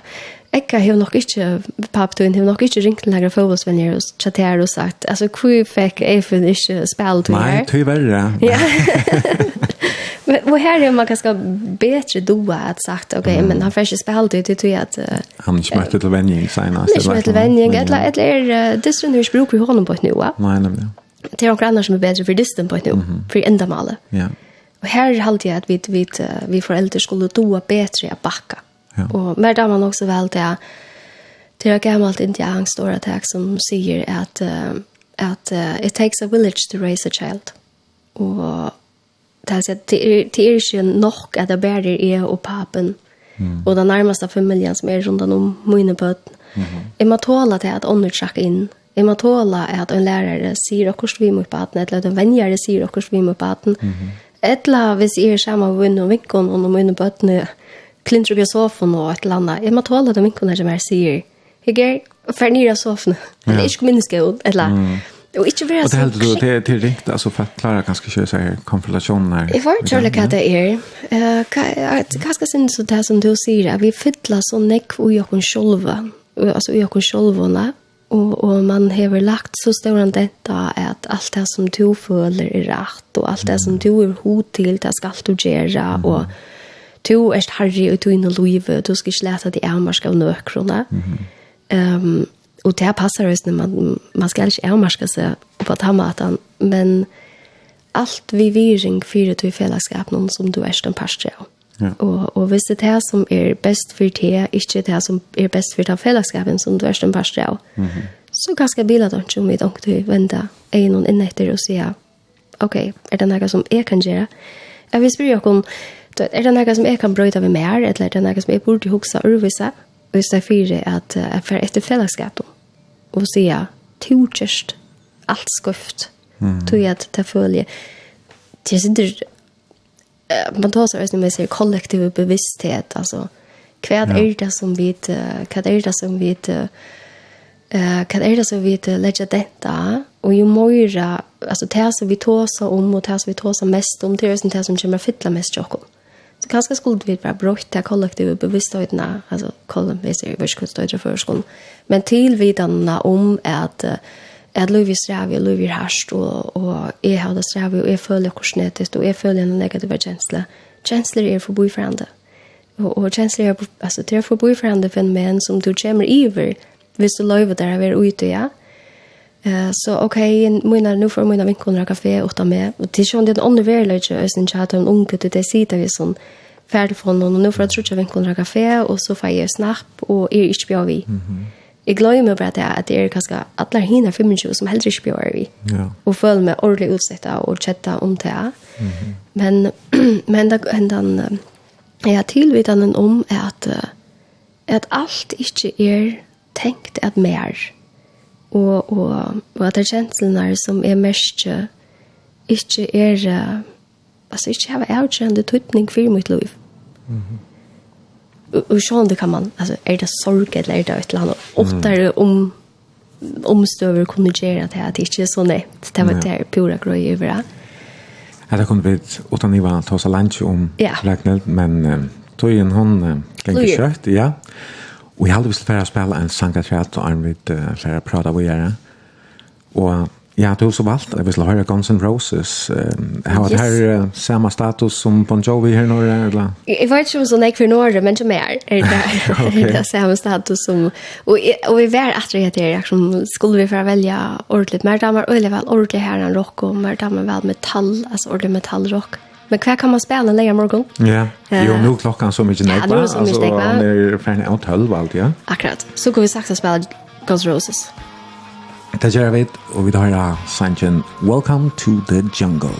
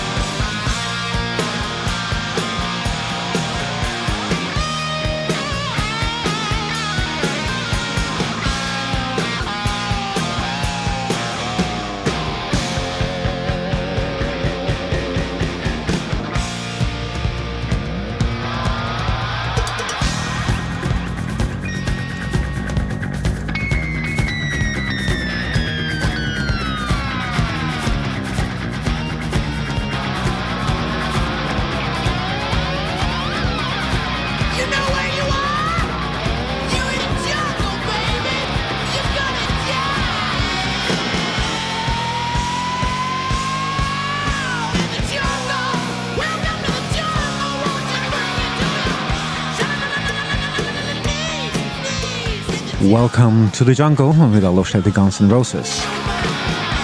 Og det er Ragnhild Ellensgaard som har høver Jester Brunch Morgon og valgt Tone Legend. Hun har et godt rockle, det har vært noe greit hjemme. Ja, og jeg er øyelig atterlydende til alle som vi har valgt i det. Det er ikke nødt. Nei, det er heller ikke. Men det er sånn at hun har rettelig atterlydende. Ja, akkurat. Vi danser om. Og vi sendte altså beinleis i nærkere minutter etter sett, og jeg ber fremvis til, jeg sendte en helsan, et langt spurning, eller en bimerskjenk, at 2400, et la ferien av Facebook, Finn her, stavast B-R-O-N-S-J. Men uh, Ragnhild, um, du stender ikke sted, du um, finner alle denne boksen ut, og fire, ja, kvart, noen fa, hun... Uh, vi kan säga andra dövon så han så fick du utbildning som yoga leibeinar eller instruktör. Yes, det gör det. Det har vi det utbildning där vi teacher i Havn. Så en fantastisk kvinna som heter Liz Helga Dötter. Öliga inspirerande personer. Och Og hetta vi vi yoga så är har alltid just när vi yoga själv och pilates och kalnetik och you name it. Okej. Okay. Nek var alltså, eller? Eh ja, men bara så höj mig själv va. Och jag har undervisat sen till och ja, så pilates liknande. Eh och jag har alltid haft en dröm om att jag kunna yoga uppbygging. Eh men så det kostar mycket och man man åt andra för att göra det och allt det där. Och så passar det oss väl att Liz hon bjöd i uppbyggingen av vi havn. Og, og jeg har haft det en fyrr østene, og jeg har syntes det dødelig og sporstallene for for når nær, nær første gang mm. at det er vil gjerne vi, ja. ja. Så det har vi gjort nå, det er søndags når man er uh, og fikk så prekk ved sørste sonde det, faktisk, ja. Ja, og nå prøver jeg lukka at um, jeg er ikke så øyelig innanlige i Jaka, så jeg prøver jeg lukka å slå det opp av språdene. Ja. Og her stender at det er tve slø av Jaka, det er fyrre, som skriver om, her stender at det er intist et la atronauer, og i nøyter likamlige vendinger og andelige hoksavning til atronarligt innlid og frelse. Og så er det hitsleie yoga, som er utrotter, Jeg slei av filmleidje, og jeg har til endamåls linka spenningar i kroppen om og er avvirska av indiska heimspretje omfattar med landa venningar i andra trotti og djupoksan. Hver er du? Er det anmar? Det er sånn, det er sånn, jeg er veldig sikkert. Og til er så øyne nekva grøyner av yoga, og, og yoga kan eh defineras på så otroliga nekva imiska matar allt etter hver i hemmen du erst, og kvar du er bruk for det og kvar du inte tega vitt der. Og, Och och yoga uh, for meg er yoga først og fremst en en livsfilosofi eh kvar som ikkje pjøvs det her nekka vi aldri Niger i behøver men og i stedet for jeg løyte ut etter så løyte man inn etter det og mestrer han den hessa kvirrena og ita sjolvun og, og rauena som yoga kan djeva at ta i du ikkar yoga til et venn yoga så vener du bæg kropp og sinn og du vener faktisk kroppen fyrir for fri og i sinnen hona Og det er et, et øyelig godt anpå i det at jeg vet også om hvordan samtidig hun kører. Vi fotler for alle, okay. alle tøynere. Mm. Og så du gjør kroppslige vendinger, men du gjør også sinneslige vendinger, for å få fri i sinnen.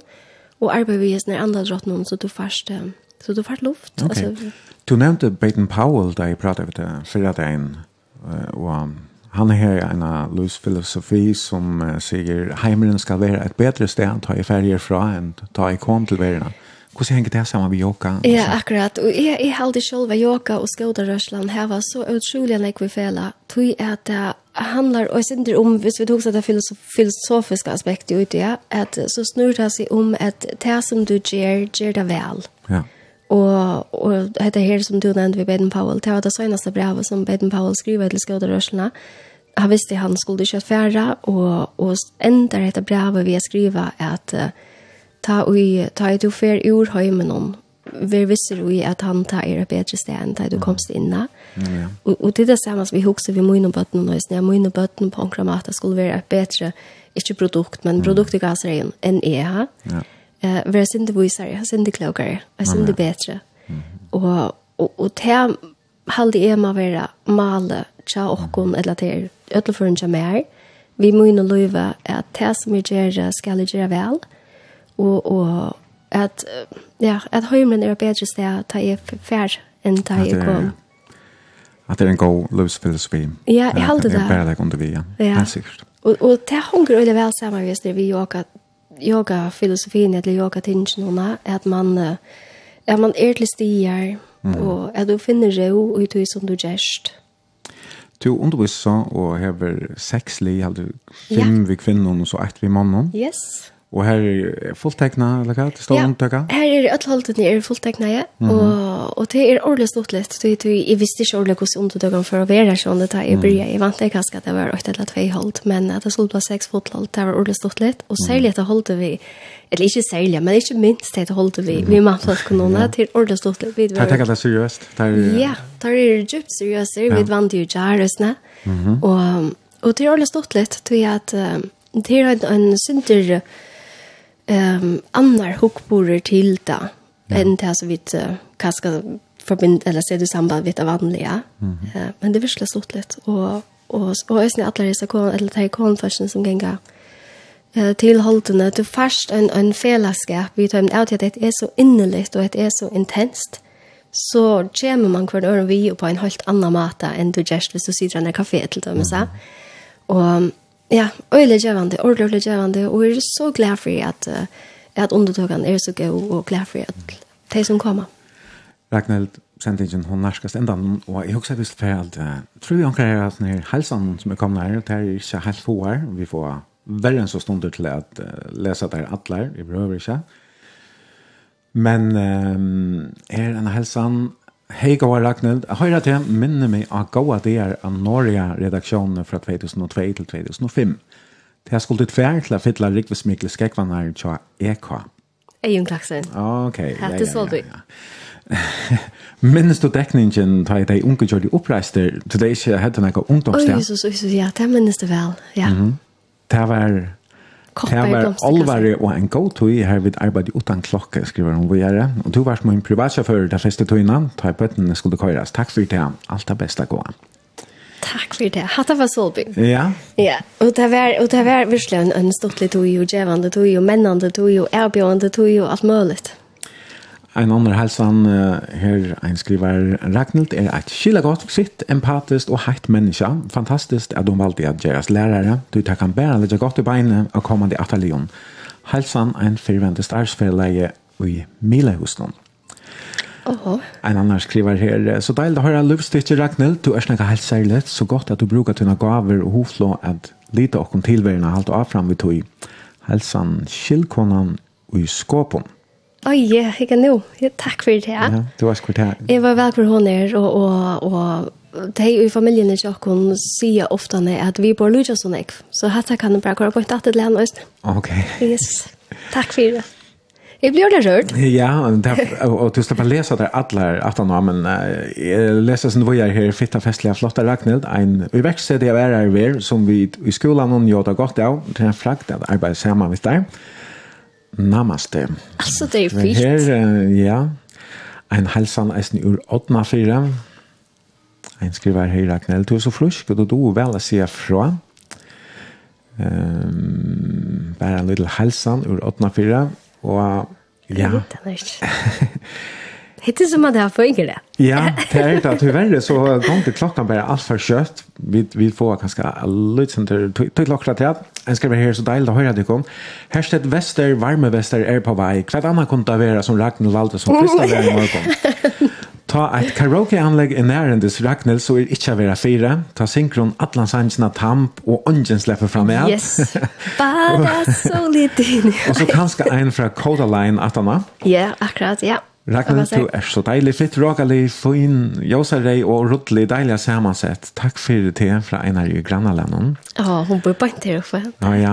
En annen skriver, oh my goodness, Ragnar, det er så oppskriften på peanutskaramell, og hvordan må jeg få ham? Jo, er alvorlig gutt. Annars mega interessant at lusta etter der. Jeg har sett meg ut i bilen at lusta for å får fri at lusta. Takk for det, og godt vikskiftet til tikkene. Ja, her er det øyelig han ikke var helsen. En annen skriver her, Batnagrader høres til tunnelen mittelen Åtnafjør og Nordrebel. Jeg kan jo, ja. Og en annen skriver, det seks Batnagrader er gamla tunnelen til Kvalpjær». så det er ganske okay. sånn tunnels fra yeah, yeah, Fyrbygd, ja. Og en annen skriver her, Ragnhild, til nummer 3, hvor ikke et loss fra Nordrebel til Klagsvik, ja. Ja, her kan er... Du kan svare prøve at er det vært så rätt. Så det er en som skriver at, at, at, at kostelten her du bor. Mm, akkurat.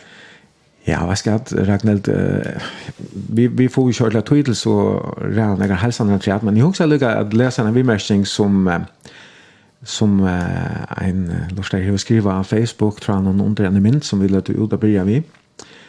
Här skriver uh, Sofia Hansen skriver stolt av höjrum om upplevelse vid sjukrasystrarna. Jag upplevde det samma som vi mamma mina ta pappa la sjukur nirra. Här var en otrolig vöker sjukrasyster och närstvian Jeg skulle spørre henne når vi kunne vite etter, ta var hun vekk. Jeg spurte mamma hver hun får, ta sier mamma, at det var en angel gåe.